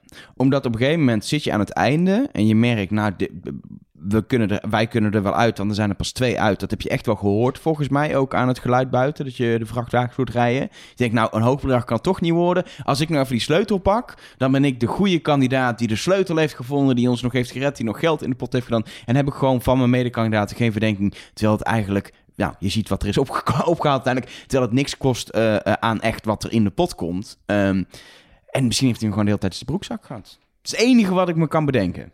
Ja, maar die, stel, hij had dus hem al de hele tijd in van... eh, hij beschuldigde Anita daarvan, toch? Ja, hij zei tegen Anita, Ja. misschien heb jij hem al de hele tijd in je, in je broekzak. Ja. Maar als hij hem al de hele tijd in zijn broekzak had, dan was hij dus blijkbaar makkelijker te vinden. En dan was deze opdracht helemaal dom. Als de sleutel gewoon in het midden eh, hing op, op, met een plakbandje, Ja. zeg maar. Ja, of je weet als mol waar die is. ja, dat kan ook. Wat wel opvallend is, is dat Buddy naar buiten rent en meteen roept: even kijken wat er op de vrachtwagen staat. Waarom weet Buddy dat hij moet kijken wat er op de vrachtwagen staat? Komt Milushka daar pas halverwege de rit achter en eh, kijkt Jaika alleen maar ehm, aan de zijkant van de Ik vrachtwagen. weet niet, kon zij die vakken zien waar ze in stonden? Volgens mij vanaf daar nog niet. Want je hoorde pas als ze gingen rijden, hoorde je ze zeggen... oh, wacht, er staan nummers op de parkeervakken. En ze zagen denk ik de achterkant van de vrachtwagens ook. Maar Miluska zag niet. het pas. Ze gingen rijden. Miluska kijkt achterom naar de andere vrachtwagens en zegt dan: Oh, wacht. Er staan cijfers op die vrachtwagens. Wat hebben wij? En Ja, stapt dan uit en gaat op de eigen vrachtwagen kijken. Maar Buddy roept letterlijk. Maar goed, dat kan natuurlijk ook zijn. Buddy is er uitgesprongen. En hij roept het volgens mij terwijl ze achter de vrachtwagen staan. Dus dat is een beetje raar. Goed. Hmm. Ja. In deze opdracht denk ik iets heel belangrijks. Oh. Ehm, ja, de color bars. Je kunt namelijk. ehm, er zitten twee dingen aan. Er zat een soort hapering in. oh, je bedoelt de, de, de glitch. De, de, ehm, Ja, oh, sorry. Ja, ja, dat wat in beeld komt, dat, heet een color bar. Een dat color heet een color bar. Oké, ja, jij, weet Ehm, dingen, ik niet. Ja, ehm, en die kwam een paar keer lang en een paar keer kort in beeld. Mhm. En je zou nog kunnen denken, oh, er is iets misgegaan met de uitzending. Ja. Eh, ik, kijk de, ik heb de uitzending gemist teruggekeken, want acht uur was hier drie uur 's middags. En toen zat ik nog heerlijk in een achtbaan. Ehm, dus ik heb hem iets later teruggekeken, maar in de uitzending gemist zit hij ook. Maar niet meer. Nee? Nee. Is hij nu weg? Hij is weg. Ja. Oké, want ik eh, eh, begreep inderdaad daarna van een eh, vriend van mij dat de eerste upload van de uitzending gemist is gewoon inpuntje, uitpuntje van de televisieuitzending. Ja, daar Ehm, staat ook volgens mij het NPO Start logo niet in beeld en zo. Daaraan kun je dat volgens mij herkennen. Ja, ik wist dat helemaal niet. Ik dacht ze doen gewoon een upload mp4'tje, eh up, uploadtijd eh, eh, tien over half tien na uitzending gemist. Maar dat is echt inpuntje, uitpuntje van wat er op televisie is geweest, duwen ze dan naar uitzending gemist. Dus dit lijkt wel gewoon of een nu verhulde hint te zijn. Maar ik kan me dat haast niet voorstellen. Want als je dan nu pas gaat kijken en het staat er nu blijkbaar, zeg jij, niet meer op. Een, Ja. we nemen dit op op zondag, voor mij ochtend, voor jullie middag. Dan is het dus, dan heb je de hint maar een halve dag kunnen kijken. Ja, en dat zou ik oneerlijk vinden. Ja, dat vind ik dus ook het rare aan. Ik kan me voorstellen dat het iets is. Ik zit- zou het ook wel een vette manier vinden om er iets in te stoppen. Ehm, maar waarom ga, laat, haal je het dan na een aantal uren op uitzending gemist of NPO Start of hoe dat tegenwoordig ook heet, haal je het weg? Ja, ik, ik dacht twee dingen. Of dit, ze hebben eh, bij de NPO allemaal Huawei-servers. En de Chinezen hebben het achterdeurtje gebruikt omdat er iets gecensureerd moest worden. Dat kan. Ehm, eh, tweede optie is dat ik, wat ik dacht, ehm, dit is ehm, eh, een, een, ja, heel raar, maar ik dacht, dit is een fuck van de makers. Dit is bewust gedaan, maar helemaal niet als hint, maar omdat ze weten, we doen gewoon een foutje in de uitzending, dat er iets misgaat technisch. Kandidaat, of eh, kandidaten, kijkers gaan er helemaal los op, gaan er morsecodes in zoeken, gaan de kleuren omkeren, alles. Dan zijn ze gewoon lekker bezig die eerste week. Hebben we nog even die extra, extra spanning er rondom. Maar het is gewoon niks. Het is gewoon, eh, we doen alsof het een foutje is, maar het is een bewust foutje. Dat is een beetje wat ik erbij had. Maar wat tegenwoordig natuurlijk ook aan de hand is, is dat mensen op allerlei verschillende manieren televisie kijken. Via Ziggo, digitaal, via het analoge eh, signaal. Ik weet niet helemaal precies hoe het werkt. Maar het is niet meer zo dat iedereen in Nederland hetzelfde signaal ontvangt. Want je kan op verschillende manieren kijken. Maar iedereen lijkt dit gezien te hebben. Dus Ja, het was dat geen storing omdat- bij KPN of Ziggo of whatever. Nee, nee, nee, dat is niet waar. Maar al die signalen komen wel vanuit één kamer in. Hilversum. Oh, dus daar zou het dan mis moeten zijn gegaan. Ja. Ja. Dat, en dat kan. Daar kan, daar kan gewoon een... een, een dat, ja, je krijgt wel eens ooit even geduld. En je krijgt wel eens ooit eh, eh, eh, net even de bumper niet, zeg maar. Dat is, Ja. ja. het is deels computerswerk, maar het is ook gewoon deels mensenwerk waar gewoon dingen... Als iemand daar zijn koffie op het verkeerde knopje zet, dan heb je gewoon even geen aflevering. dus eh, ja, dat is wel wat het is. Ja. Ehm, wat ik me nog wel ook daarbij moest bedenken is... Het is wel weer een foutje, want... eh, de, de Tina-foto, eh, toen de kandidaten bekend werden gemaakt, die kwam ook heel laat online. Daar stond nog een mol-logo in beeld. Ehm, dus misschien gaat het toch iets met elkaar te maken hebben. Maar dan zou ik het flauw vinden als ze het na een dag er weer afhalen. Ja, nou, we gaan het zien. Ik weet in ieder geval dat er ook allerlei mensen gepuzzeld hebben met morsecode. En ik moet zeggen dat daar voor mij niet echt een heel bevredigende oplossing uitgekomen is. Ehm, want iedereen komt ook op andere dingen uit. Iedereen zegt ja, nee, ik vond het meer kort, kort, lang, kort, lang. En de ander zegt weer nee, het was echt lang, kort, kort, kort lang. En dan heb je ook weer Chinese morsen of zo, las ik. Ik wist niet dat het bestond. Misschien is het ook onzin, maar... Ja, maar je moet ook kijken naar welke kleuren. Het waren allemaal kleuren, hè? Dus je moet, je moet dan, omdat het rood is, Ja. moet je het drie opschuiven. Oh, hou op, Eh, jongens. eh, bij wit is het weer eentje min. Dus Begint de eerste code al? moet je, moet je drie opschuiven. Dus dan wordt het van de A wordt Elge, het, de- hou wordt het de D. En wit is dan Ja, min 1. omdat Dus dan dan wordt het van de, E maar- wordt het de D. Nee, maar jij vergeet nu dat hij bij de tweede keer eh, zat oranje knipperde maar half mee. Dus dat, dit telt dan allemaal niet. Nou, we kunnen door naar Oh. test en executie. En misschien moeten we gewoon meteen beginnen met het einde daarvan. Anita ging naar huis, Nelke. Ja, Jammer dat deze kandidaat naar huis is, gewoon omdat het een leuk kandidaat was. Toch, Ja. Mark? Ja, zeker. nee, ik, ben, ik bedoel, zij heeft ook... eh, wij noemen onszelf wel eens gekscherend de Anita Witsiertjes van de podcastwereld. Want zij was heel vaak genomineerd voor televisierster vrouw. En zij won hem pas de zesde keer, volgens mij.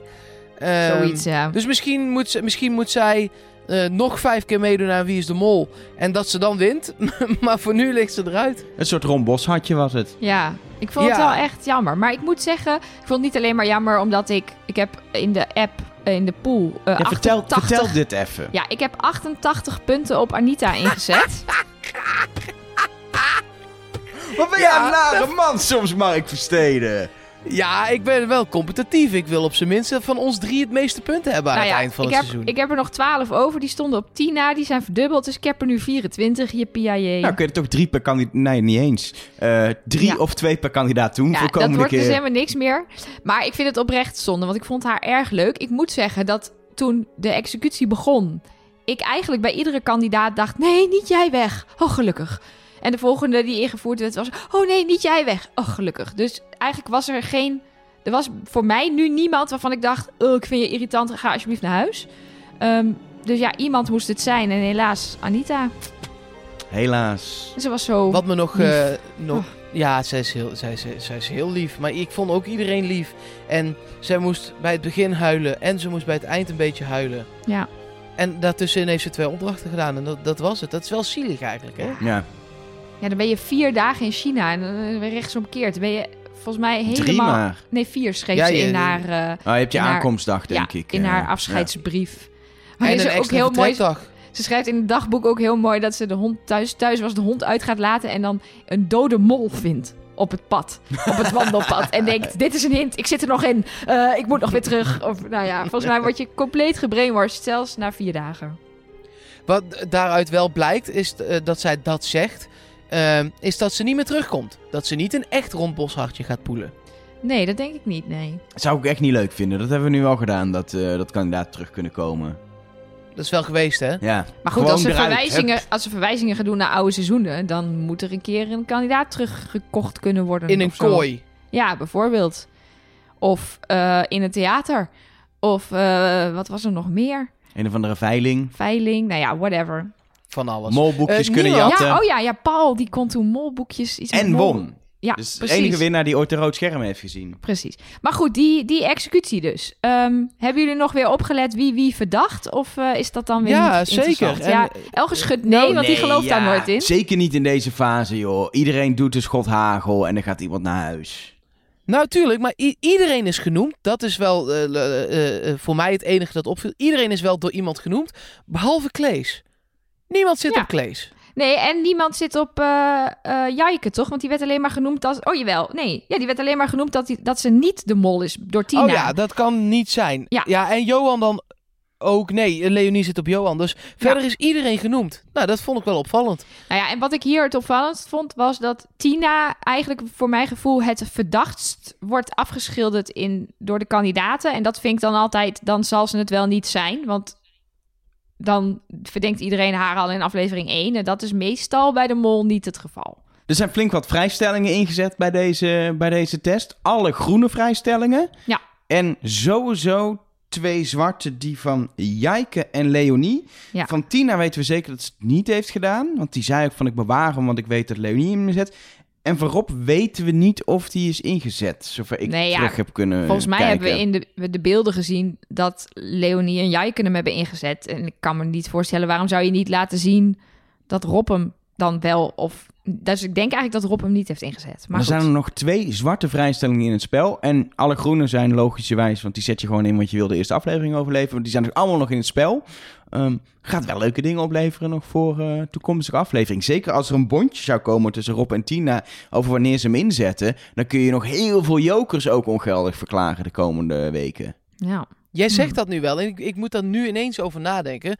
Het was eigenlijk vrij zeker dat er een zwarte vrijstelling werd ingezet. Want het is wel genoemd. Ga je dan alsnog die groene toch maar inzetten? Gewoon voor Ja. echt voor de zeker zekerheid? Ja, volgens mij is dat zeg maar dat je, dat je ehm, altijd bereid bent om verlies te vermijden in plaats van iets te Ja. winnen. Dus dat je dan denkt, wat ik net ook al zei, van het gaat me gewoon niet gebeuren dat ik hem niet inzet en dat er dan toch dat ik dan toch naar huis ga, omdat ik dan de enige ben die dat niet heeft gedaan en dat diegene met die zwarte vrijstelling toch over zijn hart streek en dacht ik doe het niet. Ja, wat ik wel, de deceptie is wel echt aan. Want Jaike zegt, ik heb hem ingezet omdat Tina zei, ik heb niks. En omdat Buddy zei, ik heb niks. En dat vond ik oneerlijk. Dus ik dacht, ik ga weer voor gelijkspel voor iedereen. Terwijl Tina dus nu nog gewoon met een zwarte vrijstelling zit. Ja, heeft daar heeft dus zichzelf ook wel mee gepakt natuurlijk ook. Ja, Dat vind ik wel mooi. ja dat is die een- heeft zichzelf een leugentje. loer gedraaid. ja, dat vind ik dan wel weer mooi ook. Ja, maar ik zou ook gewoon, als ik een zwarte vrijstelling had, hem sowieso inzetten. Want je hebt dus geen groene. Je weet dat er groene vrijstellingen in het spel zijn. Ja, voor eigen belang zou ik gewoon die zwarte inzetten. Maar goed. Ehm, wat ik nog wel eh, grappig vond, was dat er wel duidelijk in beeld was op wie Anita zat. Normaal gesproken heb je vaak dat je niet weet wie de afvaller verdenkt. En zij verdacht eh Miluska, Tina en Rob. Ja, het zegt niks, maar Ja, je kan ook, eh, i- doordat natuurlijk, je, je, je beantwoordt niet twintig keer letterlijk op de mol, maar ook op groepjes. Dus het blijft Ja. zeker in deze fase nog gewoon pech hebben, want niemand gaat al heel erg op één iemand zitten. behalve Johan. Ja, maar Yo, ik moest Ja. zo lachen om Johan, die 100% zeker wist dat Anita de mol was. Dat het gênant was hoe duidelijk het was. Maar dat geeft ook zeg maar wel aan eh, dat het in deze fase nog echt niks uitmaakt op Nee. wie je zit. Dat je er toch gewoon uit kan vliegen. Omdat je inderdaad moet kiezen eh, tussen geluk en wijsheid. Ja, Mhm. dat is gewoon vijf om vijf, zeg maar. Ja. nou, en volgens mij hebben we daarmee de eerste aflevering besproken. Ja. En dan hebben we leuke, ja, eh, persoonlijk, is het persoonlijk nieuws? We hebben een leuk nieuwtje over deze podcast Trust Nobody. Want Mark, jij bent op dit moment aan de andere kant van de wereld in Amerika. En alle kandidaten zijn welkom bij jou, toch? Ja hoor, ja, kom allemaal vooral. Ik ben wel overmorgen weer terug. Maar eh, ko- ko- kom vooral allemaal hierheen. nee, dat, dat is niet het nieuwtje, Elger. Ze zijn wel welkom bij jou en ook bij ons, maar dan gewoon in Nederland. Ja, precies. Dat is gewoon in Nederland. Want we gaan. eh, misschien moeten we bij het begin beginnen. Als je deze podcast luistert, dan zijn we je al heel erg dankbaar. Maar je kunt deze podcast ook op een andere manier steunen. Dat is namelijk via Patreon. Ehm, en je hebt een aantal dingen die je dan kunt krijgen als Patreon. En dat vind je op patreon.com slash trustnobody. Kun je ons eh, eh, eh, dus financieel steunen. Hele toffe dingen krijg je daar. En, en vorig jaar zijn we aan het eind van het jaar met al die patrons, want zo heet je dan als je ons steunt, gaan laserschieten. En we vonden het zo leuk om bij elkaar te zijn en bij elkaar te komen dat we dachten, daar moeten we het komende seizoen meer mee doen. Ja, we gaan een, we gaan een, we gaan een, een soort ja, live evenement organiseren op zaterdag 1 februari, s'avonds. Eh zaterdagavond. Wat we eigenlijk gaan doen, is met z'n allen Wie de Mol kijken. Ja, zo simpel is het. Ja, die, die vraag kregen we ook heel vaak. Van, oh, kunnen we niet een keertje met een groepje komen kijken? Of kunnen we niet een keertje met jullie kijken? Nou, dat gaan we doen. Dus dat is even uit mijn hoofd aflevering 4 van het seizoen. Die gaan we met z'n allen in Utrecht in een mooi zaaltje kijken. Kunnen 80 man eh, in. En daarna gaan we natuurlijk ook nog even nabespreken. Er is een borrel. eh, je krijgt koffie en thee en een bitterbal van ons. eh, Ja, en iedereen is welkom. Hè? We hebben dat laserschieten ooit speciaal voor patrons gedaan als bedankje. Maar elke luisteraar eh, is welkom. Eh, iedereen die het leuk vindt mag komen Ja. kijken. Natuurlijk is het wel zo, als je patron bent, dan steun je ons al. Dus eh, hebben we een soort eh, deal gemaakt. Je betaalt een- bedrag om binnen te komen. Een ticket moet je kopen, omdat wij moeten die zaal moeten betalen. Die bitterballen moeten allemaal maken wat kosten. Voor 16 euro mag je naar binnen. Maar patrons krijgen een exclusieve speciale geheime kortingscode. Die ga je gewoon eh, via je mail en ook op de site van eh, Patreon eh, vinden. Ehm, en daarmee krijg je eh 25% korting. Dus kun je voor 4 euro minder naar binnen. Dus als je nu nog heel snel patron wordt, dan kun je ook nog, eh, zelfs voor een dollar, dat is best een goede deal, weer voor een dollar patron, moet ik dit verklappen? Dan kun je dus 4 Ja, euro tuurlijk. korting krijgen. Hoppa, dat Hoppa, is ja. binnen tikken. En het wordt gewoon heel gezellig. Ik bedoel, wij Ja. zijn er natuurlijk, eh, zijn wij er ook. En we gaan kijken en we gaan die aflevering nog lekker nabespreken met z'n allen. En eh, eh, dat komt helemaal goed. We nemen daar, en dat is wel goed om te vertellen, niet de podcast op. Want daarvoor gaan we eerst op zondag zelf nog vier keer de aflevering kijken. En dan nemen we de podcast op. Ja, maar je krijgt wel een exclusief voorschot daarop. Precies. En volgens mij wordt het gewoon heel gezellig. Ik heb er in ieder geval heel veel zin in. Nou, het is dus 1 februari. De kaartverkoop start. En ik hoop dat je deze podcast op tijd hebt geluisterd. Namelijk eh, donderdag. Donderdag. En dat is dan 16, 16. januari. 8 uur 's avonds precies. Ehm, misschien overschat ik onszelf. Maar het kan best zijn dat het echt snel gaat met de kaartjes. Want er zijn 80 plekken. Dus 80 kaartjes. Ehm, dus. ehm, ja, als je erheen wil, zorg dat je klaar zit eh, om 8 uur 's avonds om die kaartjes te kopen. Ehm, alle details voor hoe je die kaartjes vindt, vind je gewoon op onze website trustnobody.nl. Klopt. Ehm, daar vind je ook waar het precies is, hoe laat het begint, et cetera. Ehm, eh, dus eh, check de site trustnobody.nl. Doe het op tijd. We zetten het daar ook op tijd neer. En dan eh, kun je ook al naar de verkoopsite kun je zelfs gaan. Alleen in de punt... digitale wachtrij. Precies, kun je dat er kan al soort van ingestaan. Nee, maar om 8 uur gaat die kaartverkoop open en, eh, en gaan we iets leuks doen. En eh, ik denk wel, misschien kunnen we dat gewoon, hebben we eigenlijk nog niet overlegd. Maar als het nou een succes is, dan doen we het nog wel een keer, toch? Ja. Dan gaan we, dan doen we de finale. Dat kan In niet. Carré. Dat kan niet. Dan moeten we de finale doen in Austin, Texas. Ik- Want daar is meneer Van der Wel. Oh god, ja, meneer moet weer een eh, moeilijke technische meuk doen. Ja, hallo, jij zit nu in Amerika in, in pretparken. En dan ga je zitten klagen over mij. Nee, helemaal niet. Moet je lekker doen, dat is top. hey, je, had Ehm, het, je had het over Patreon. Ja, ehm, we gaan ook nog wel eh, aan het eind van het jaar weer iets doen voor alleen eh, patrons. Eh, en dat kun je dus worden op patreon.com slash trustnobody. En een van de voordelen, de, de rest moet je maar even lekker gewoon online kijken. Extra content bijvoorbeeld, dat is wel een van de leukste denk ik. Maar ook allerlei goodies en dingen. Maar als je nieuw Patreon wordt, heb je ook... En dat is misschien wel het allermooiste. De zoetgevoelige stem van Elge van der Wel. Die jouw naam voorleest in deze podcast. Als ware onze dank terug aan jou. Nou, dan gaan we. Koen. Jezus, ik zit hier een aankondiging te doen van heb ik jou daar. Die, die, die, die kan zo op NPO 1, alle radiostations. Eh, wordt vervangen eh, om 12 uur iedere maandag deze aankondiging. Met die- die toeter wordt helemaal eruit gegooid. Dat wordt dit. En het eerste wat jij zegt is nou, daar gaan we. Oké. En dan verspreek je je ook nog eens bij naam nummer twee. Ja, sorry. Ja. Ehm, Oké, nog een keer. Nog een keer. Eh, de dank namens ons drieën gaat uit naar Koen, naar Joost van Puilenbroek, naar Chapine, naar Suzanne, naar CC van Verscheur. Wat een naam. Iskander Smit. Anais en Jos, als ik naam fout uitspreek, sorry. Eh, Gert Oosterhuis, Habon Abdoulahi, sorry, het is echt lastig die namen. Sharon van Doren, Munnekes de Jong, Luschinger. Dit is één naam, Is dat mensen. één Ja, naam? dat is één naam. Fantastisch. Bastiaan van der Weert, Natasja Landman, Siert Weidema, Pim en Peter Blendel. Oh nee, sorry, Brandy. Waarom lees ik nou Blendel?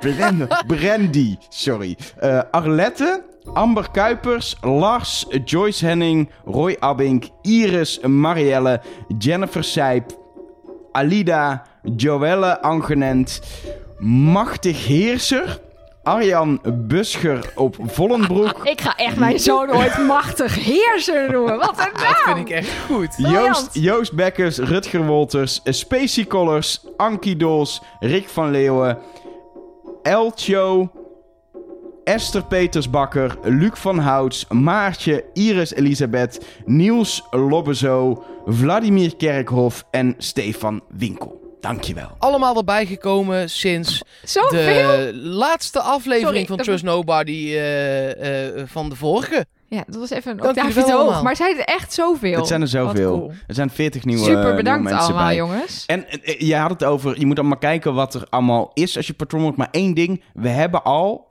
eind vorig jaar, eind van het jaar, een extra aflevering opgenomen met oud-kandidaat Jeroen Kijk in de Vechten. Bijna een uur meegepraat over zijn deelname. En die staat dan online. Dus als je nu Patreon wordt, eh, patron wordt, hoe je het noemt, dan kun je die al met terugwerkende kracht meteen eh, beluisteren. ook allemaal die van vorig jaar. Hè, met uh, Annemieke Schollaar hebben we bijvoorbeeld ook gesproken. Nou, dat is allemaal leuk. En wat je ook krijgt is speciale manieren om contact met ons te zoeken. Bijvoorbeeld de hotline. Ja, we hebben heel veel berichtjes ontvangen. En terwijl we aan het opnemen zijn, zie ik uh, dat er alweer uh, nou, een stuk of 28 appjes binnen zijn Nee, gekomen. niet Eh, normaal. maar die gaan we allemaal nog wel beantwoorden, want eh, eh, we beantwoorden alles, we lezen alles. Maar het leukste zijn natuurlijk de audio-appjes, want die kunnen we daadwerkelijk laten horen in de podcast. Eh, en we kregen een eh, appje van Jennifer die heel duidelijk een mening heeft over de aflevering. Hoi, het was Nobody Podcast. Nou, wij zijn net klaar met kijken en ehm, eigenlijk wachten we nog steeds tot het eh, begint. Wat is er nou eigenlijk gebeurd? Volgens mij helemaal niks. Dit kan toch niet de aftrap zijn van het 20e seizoen van Wie is de Mol? Nou, schiet mij echt maar lek. Niks gebeurd, maar we hebben het nu al anderhalf uur over dat, wat- dat er niks is gebeurd. En volgens, volgens mij is er wel wat gebeurd, toch? Ja, volgens mij ook. Ja, het, ik, wat, ik, wat ik al zei, mensen verwachten een soort van grande opening à la seizoen 18, denk ik. Ik denk Ja. dat, dat dat het gewoon is. Nou, er zijn gelukkig, want jij zei al, de meningen zijn verdeeld. eh, ook eh, in onze audio-appjes. Want eh, Niels, die is een andere mening aangedaan. Ja, Trust Nobody. Het is weer begonnen. Het eerste seizoen van Wie is de Mol.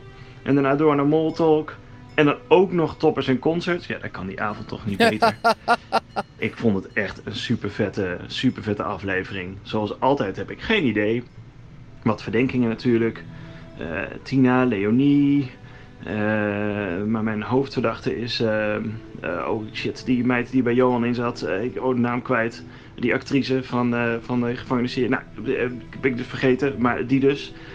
Die vertrouw ik ook voor geen cent. Ehm, en ehm, ja, ik, ik ben eigenlijk vooral heel blij dat het gewoon weer helemaal begonnen is. En dat ik de komende weekenden, elke zaterdagavond, weer op het puntje van de bank kan gaan zitten om te gaan kijken. Hij heeft het over Jijke.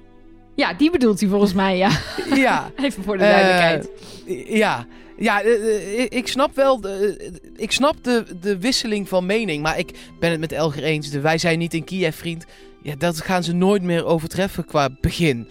Dus wat dat betreft is dit gewoon voor mij een, een mooi Wie is de Mol begin. Ik vind het wel lekker dat je er gewoon... Je, we, we- het begon meteen. Ik vond Ja. het wel oké. We zitten er gewoon weer in. Dat is het Precies. gewoon. En Ja. ik vind dat er best wel wat gebeurd is. Nou, zeker. Nou ja, we- wat je al zei, we hebben er al eh, ruim een uur over gepraat. Volgens mij zitten we er, eh, zitten we er prima in. Was dat het qua audio-appjes voor Ja, deze dat keer? was het voor nu even, want we zijn ook al lang genoeg aan het praten. Maar blijf ze vooral insturen, jongens. En eh, dan eh, kom je in de podcast. En als je geen audio-appje wil sturen, kun je ook altijd gewoon tekst-appjes sturen. En dan krijg je antwoord van ons. Of als je het hotline nummer niet hebt en als je geen patron bent. eh, We hebben mail, mol.trustnobody.nl. Eh, we hebben social media kanalen, Instagram, Twitter. Alles kun je ook gewoon berichtjes sturen. En Mark heeft eh, in Amerika, eh, in Nederland, midden in de nacht... heeft hij alles bij elkaar te zoeken volgens mij. Want je hebt wel wat, eh, wat dingen binnen zien komen, toch? Ja, zeker. Er is hier ook gewoon e-mail. Je, je ver- verbaas je erover. Ja. Sterker nog, het is daar uitgevonden, Mark Versteden. E-mail. Ja, anders eh, had het wel eh, Nederlands gegeten. Of zo. nou, Elektronische post. Zo mooi. Ehm, even kijken, waar was ik? Ja, KL. KL is eh 12 jaar en heeft toch eens ook goed naar. Oh, maar De oh, wacht. Oh, stop. Er luisteren, er luisteren ook kinderen van 12.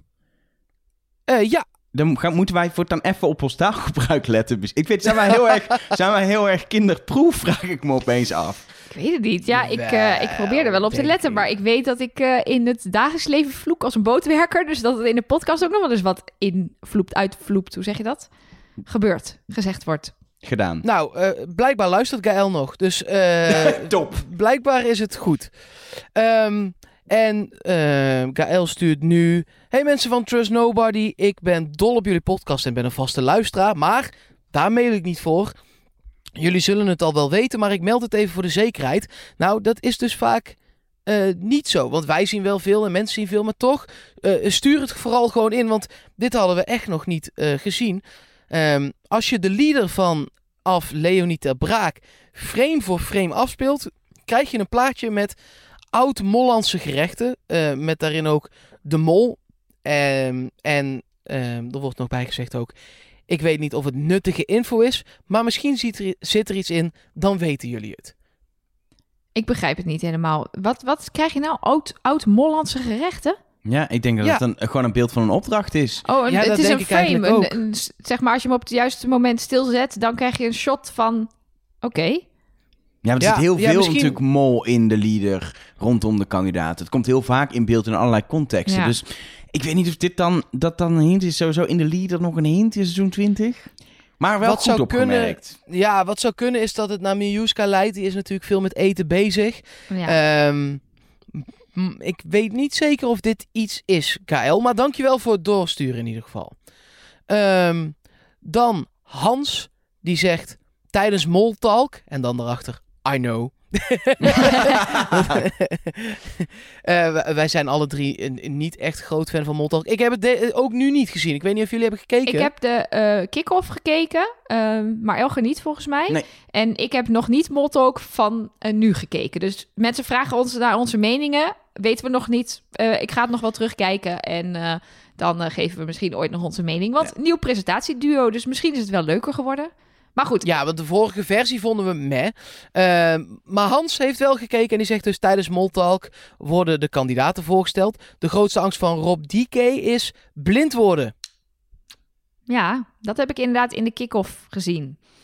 Dat was wel, eh, ja, dat soort grapjes worden denk ik ook vaak gemaakt. En ik zou dat niet meer zien als hint.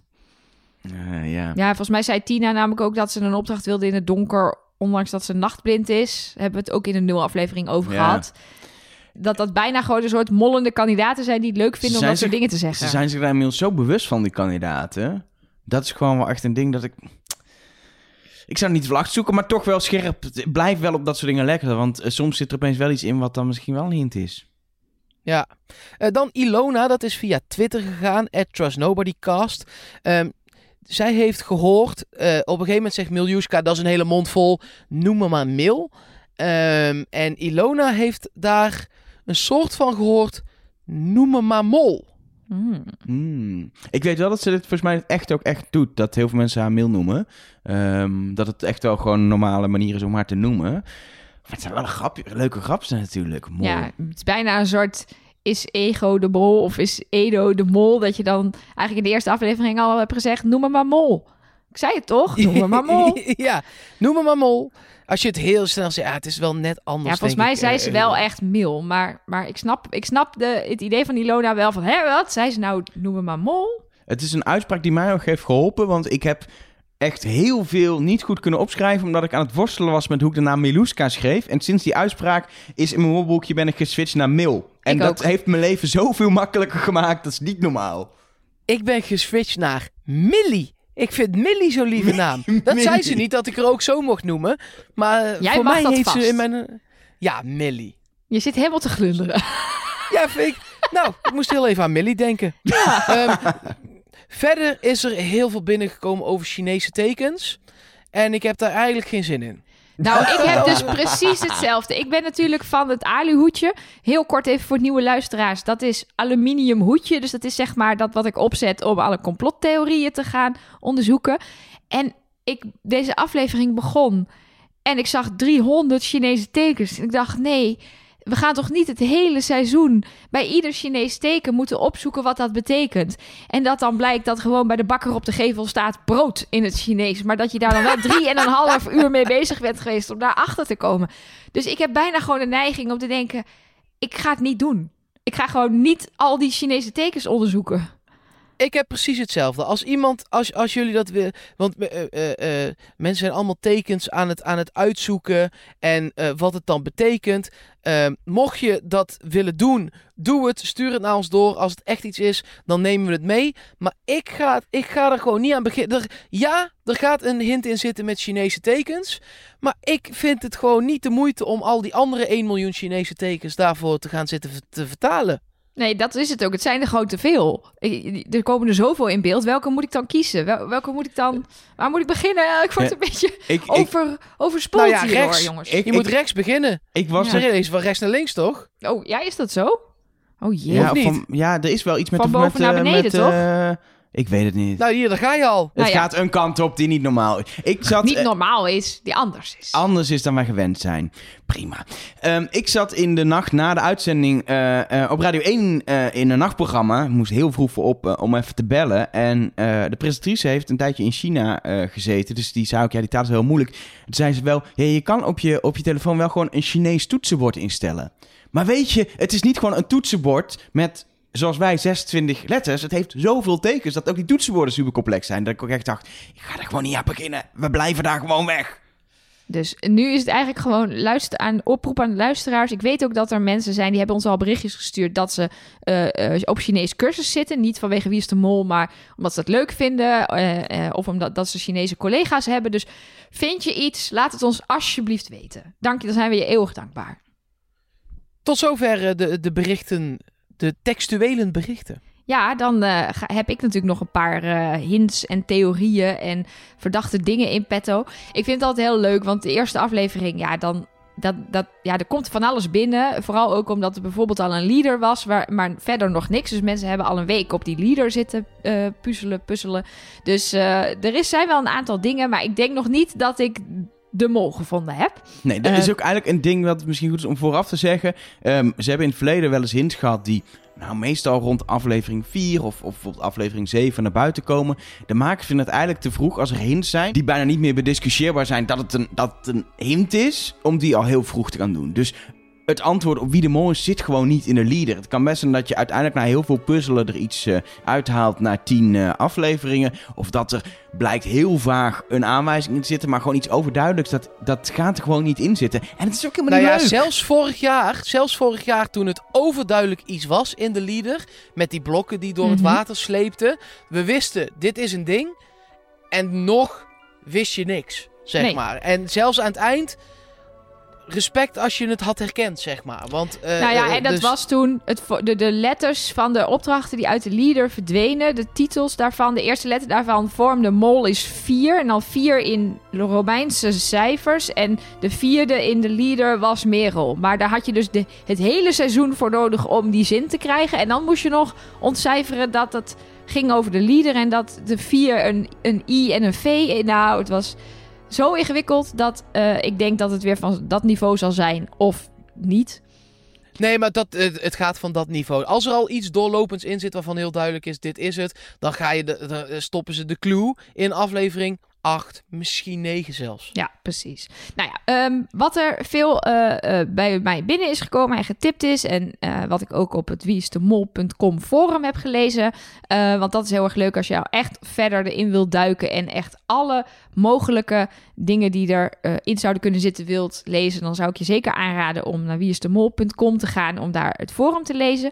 Maar er kwamen dus heel veel dingen binnen over die glitch... waar we het al over hebben gehad. Over die, wat, hoe heette dat nou? Kleur, color, blok...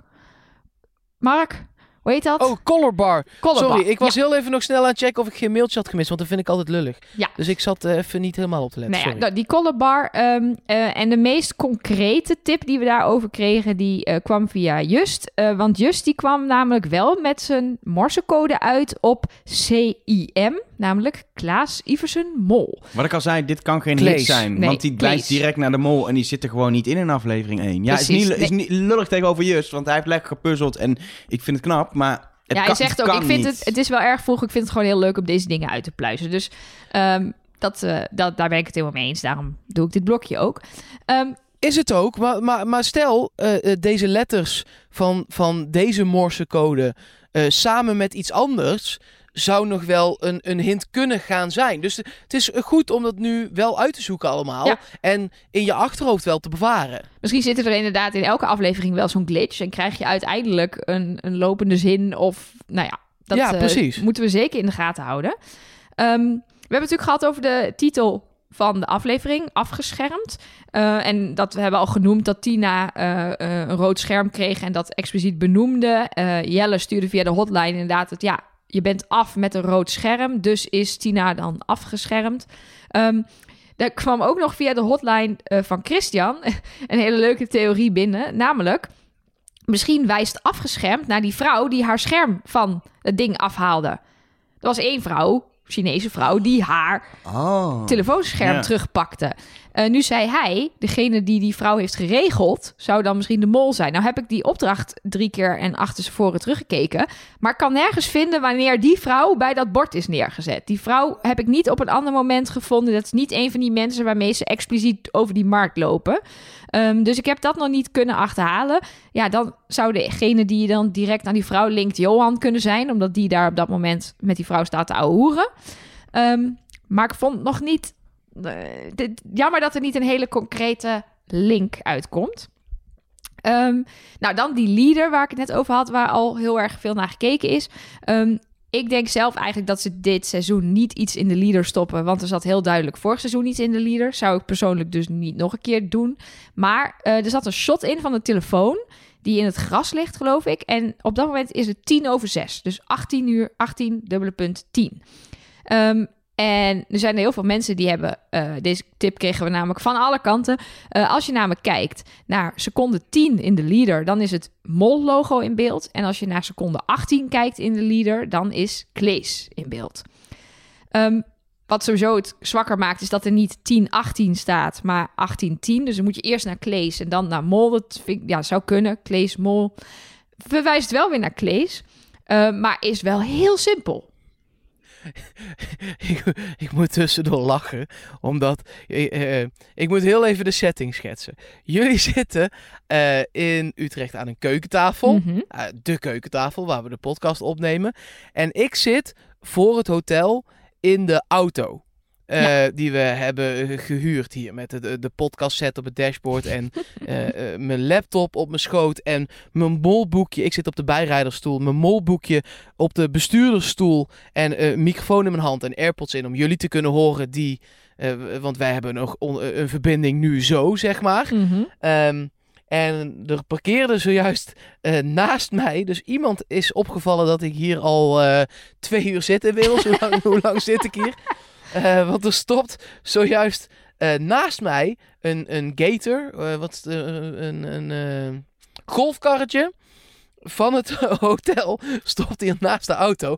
En ik schrok me helemaal een ongeluk. Want die man van het hotel kwam heel even kijken of ik wel oké was. Dus ik moest echt even een duimpje Oh my opsteken. god. Van nee, het is oké. ik ben, ik, Ik ben aan het werk is- in de het auto is- op ja, een ik- parkeerterrein van het een is, hotel. Het is oké. En toen ging hij zo achteruit. Nu is hij weer weg. nou, Dus ik heb eh, dat, van dat 18 en 10... Ik ga de podcast heel even terugluisteren. wat, wat je daar precies Maar- gezegd hebt. weet je, heb je, heb je het duidelijk gecommuniceerd? Of gaan we zo sirenes horen en word je straks in de boeien geslagen, want er zit een verwarde man in de auto? Nee, hij zag een laptop. Hij zag een microfoon. Ik deed een duimpje. Volgens mij zijn we helemaal oké. Gelukkig. Nou, dan heb ik nog één, eh, denk één, nou, laten we zeggen drie. Ik heb er nog drie. Drie eh, hints. Ik zal er even snel doorheen gaan. Want eh, onze vrienden van eh, Apenstaartje de Tunnelvisie eh, op Twitter, die hebben iets heel interessants getwitterd. Namelijk, zou de mol in de vrachtwagen zitten met een nul erop, die op parkeerplaats 2 moet staan? Samen 20.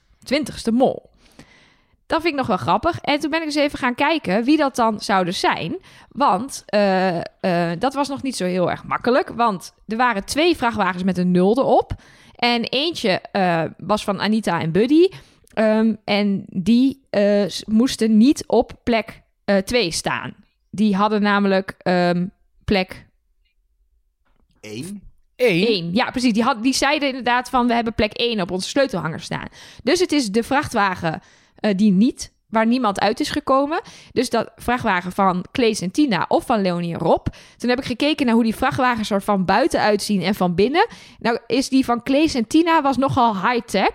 En die van Leonie en Rob was nogal een soort scheepscontainerachtig. Dus zo heb ik weten te deduceren dat Klees en Tina in vrachtwagen 0 zaten. Die op plek 2 hadden moeten eindigen. Weer Klees. Ik Weer denk, Klees. vorig jaar hadden we natuurlijk Sarah. Er waren heel veel hints naar Sarah die niet helemaal was. Ik heb een gevoel dat Klees dit jaar de Sarah wordt. En dat mensen straks helemaal in tunnels gaan met bizarre hints over Klees. Nou, ik heb nog één hint naar Leonie en nog één hint naar Miluska. Dus Nou, kom lekker. Nou, ehm, René, die twitterde naar ons. Eh eh, Ren Aigu heet hij op Twitter. Dat ehm, in de allereerste opdracht Rick elke keer de naam van de kandidaten uitspreekt. Behalve bij Miluska. Voor iedereen heeft hij een, de, wijsheid van Lao Tse, Elger. En dan komt de wijsheid, maar hij spreekt de naam Miluska niet uit. Misschien heeft hij eigenlijk gezegd mol. En dan de zin iets met... eh, wat, wat was de zin bij Miluska? Bladeren. Even in je molboekje kijken. Jij wil het gewoon noemen omdat je het hebt opgeschreven, want het maakt echt Mol. niks uit, hè? Ja, maar dat was die zin die mij opviel, die wel aan de mol kon Oh, verwijzen Oké, nee, oké, oké, oké, oké. Dat- misschien heeft Rick gezegd, mol, de wijze kent zichzelf, maar toont zichzelf niet. Dat Ja. zou mooi zijn, hè? Dat zou zo'n mooie flashback shot zijn. Zo terug naar het Ja, begin en dan ja. dat hij gewoon inderdaad mol heeft gezet. Zou mooi zijn. Vond ik interessant. Ehm, en eh, tot slot, eh, Xander, die stuurde ons via de hotline een filmpje door van Merel eh, bij Jinek. Ehm, ik had dit niet meegekregen, maar het schijnt dat Merel zich soort van versproken heeft bij Jinek. Merel is natuurlijk de mol van vorig jaar en Merel is de vertrouwenspersoon van Leonie. En ehm, kijk, zij is de mol geweest en zij wilde volgens mij uitleggen dat zij al de vertrouwenspersoon was van Leonie voordat de mollicitatie was. Zo noemen ze zeg maar het moment dat er wordt besloten door de programmamakers wie de mol gaat zijn. Maar ze zei het op een beetje een onhandige manier waarop, waarop het leek alsof ze zei... ja, ik wist nog niet dat Leonie de mol zou zijn eh, toen ze mij vroeg als vertrouwenspersoon. Dus het is toeval dat ik de vertrouwenspersoon van de mol ben. Zo zei ze het niet. Je moet het ook maar terugkijken. Ik zal wel even een eh, linkje in de show notes zetten. Maar ik was niet helemaal overtuigd. Eh, Merel heeft mij dus ook vorig seizoen compleet om de tuin geleid. Die zei de hele tijd rare dingen die ik dan voor serieus aannam, die dan achteraf weer acteerwerk bleken te zijn. Ik heb zelfs een paar keer gezegd, als ze dit acteert, dan verdient ze een Oscar. Nou, blijkbaar heeft ze het geacteerd, dus verdient ze een Oscar. Dus ik weet niet zo goed wat ik hiermee moet. Maar heeft zij niet gewoon al van tien mensen te horen gekregen... Oh, jij bent vertrouwenszoon van Leonie. Dat is handig, want het is omdat ze de mol is dan bij de Ja, oud-mol. nee, en dat zegt- dat haar verdediging Ze zegt is. expliciet in Jinek voor alle moloten. Ga ik dit nu zeggen? Maar ze zegt het op zo'n onhandige manier dat ze eigenlijk zichzelf niet vrijpleit, maar alleen maar. Nou ja, ik weet het niet. Het is in ieder geval eh, eh, iets wat eh, Xander opviel. En daarna gaat ze, heel on, gaat ze heel onhandig wijn zitten drinken. Dus het is een beetje, het is een beetje grappig.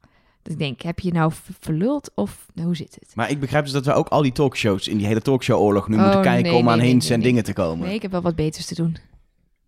Zes keer wie is de mol kijken. Is het, is, is het er tijd voor? Het is de tijd voor, Mark. Oh jee. Is het zover? Het is tijd voor het antwoord op die ene vraag. Wie is de mol? En eh, ja, Nelleke, jouw mol is, eh, is meteen eh, weggegaan. Want je hebt voor... Ik vind het heel raar zo, zodat je eigenlijk voor het begin al je punten moet inzetten de eerste keer. Want je weet nog niks. Ehm, Ja, en ik vind dat ook het nadeel van deze pool. Want kijk, spreiden heeft eigenlijk geen zin, want je wint nooit. Ja, ik hoor indekkings Ja, van nee, maar, dat, die, nee, maar Mark, dit is precies waar jij 88 vorig, punten kwijt is jij geraakt. zat hier vorig jaar over te klagen. Je kan, eh, dus, dus zit altijd, we hebben, een- we hebben een uh, Nobody pool. Er zitten bijna 500 mensen in. Hij is bijna vol ook, want dat is maximaal. Er is er altijd één die van tevoren alles heeft ingezet. Elke aflevering op de mol. En dat is dan gewoon een lucky guess geweest. En die wint uiteindelijk die pool. Heel knap dat je het goed hebt gekozen. Ja, ik ben inderdaad een beetje zuur. Ik hoor mezelf nu praten. Ik denk, laat maar. Ehm, nee, klopt. Ja, nee. eh, Anita is niet meer mijn mol, eh, logischerwijs. Ehm, ja, ik, had hier eigenlijk nog geen beslissing over genomen. Maar nu ik mezelf zo heb horen praten, deze podcast, eh, zijn voor nu mijn pijlen gericht op Leonie. Hmm. Oké, ik, ik ik ben het met je eens hoor. Ik vind, ik vind de, de, de, de opzet van de pool. Want als je nu nul punten hebt en je hebt. Ik ben iemand van alles of niks. Ik had Ja. alles ingezet op één iemand. Eh, namelijk, ik had de eerste keer alles ingezet op Miuska. Want ja, weet ik veel. Ehm, eh, eh, en ik blijf ook alles inzetten op één iemand. Want eh, ja, anders kun je toch niet eens winnen. En dan word je 46ste. En dat maakt ook niks uit, zeg maar.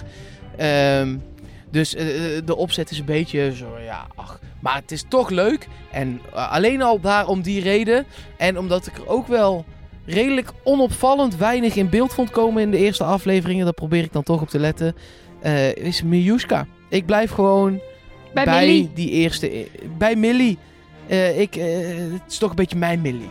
Met een. Mag ik een, een eervolle vermelding doen? Ja? Eh Klees heeft ook een titel vanaf nu. En dat is de minst irritante Deens-Nederlandse deelnemer aan Wie is de Mol ooit. Wauw. Die kan die in zijn zak steken. Die kun Lekker. je maar hebben, toch? Ja, Ja. Ik, ik, ik heb iets Met nieuws Stine geprobeerd. stipt op twee. Ja, ik heb, ik heb iets nieuws geprobeerd. Ik heb zeg maar eh, tijdens het kijken soms eh, een plusje of een minnetje achter een kandidaat gezet. eh, op basis van wat hij deed in opdrachten. En er is één iemand die twee plusjes heeft. Dat zijn verdenkingen en geen minnetjes. En dat is Leonie. Dus in Hmm. mijn conclusie is er nu toe ook. En daar kan ik volgende week echt weer vanaf zijn. Er is nog lang geen tunnel. Ja, volgende maar- week denk jij dat het Axel is. nee, ik denk, ik denk op dit moment Leonie en eh degene die al wat langer luisteren weten dat eh, dat een goed moment is als luisteraar om Leonie af te strepen als mol. Want ik zit er altijd naast. Maar ik, eh, ik, ja, dit is gewoon mijn gevoel, dus ik volg het gewoon.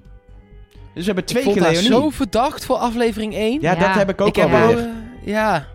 Maar we hebben ook wel eens gezien dat dat dan in het begin even heel verdacht is en daarna dan niet meer. En dan vergeet je weer dat zij, want in het begin schrijf je eraf omdat het te vroeg is. En dan, nou ja, dat. Het kan nog alle kanten op. Volgens mij zijn wij eh, door de eerste aflevering heen. Ja, we zijn vast dingen vergeten. We worden ook, eh, zoals ik net al zei, ik zie de hele tijd in mijn ooghoek op de hotline op ons Twitter-account berichtjes binnenkomen. Dus eh, er komt vast nog van alles boven, maar dat bespreken we dan weer de volgende aflevering. Ja, en volgende week zijn we er gewoon weer. Maandagochtend 6 uur.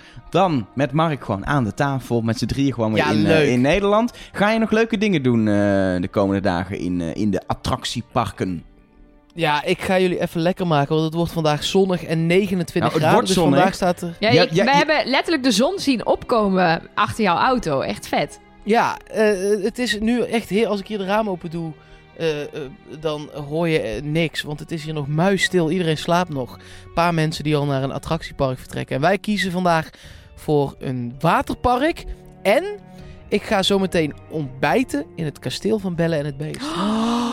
Be our guest. Be our... orkest. Het is heel irritant met het achtergrondmuziekje, maar dat maakt niet uit. Tot, en volgende week ben ik weer gewoon bij jullie. Doei doei! Oh, gelukkig. En eh, als je wil reageren op de podcast, mol at trustnobody.nl, at trustnobodycast op elk social media kanaal, Facebook, Twitter, Instagram, alles. Alleen TikTok hebben we nog niet. En ook niet onbelangrijk. Ah, dit gaan we ook niet doen. Nee, je kan altijd een review achterlaten eh, van de podcast via de Apple Podcast app. Eh, kun je een aantal sterren geven, maar ook gewoon een review doen. En dat helpt echt weer om nieuwe mensen, verse kijkers van Wie is de Mol, om die kennis te laten maken met onze eh, podcast met de prachtige naam Trust nobody.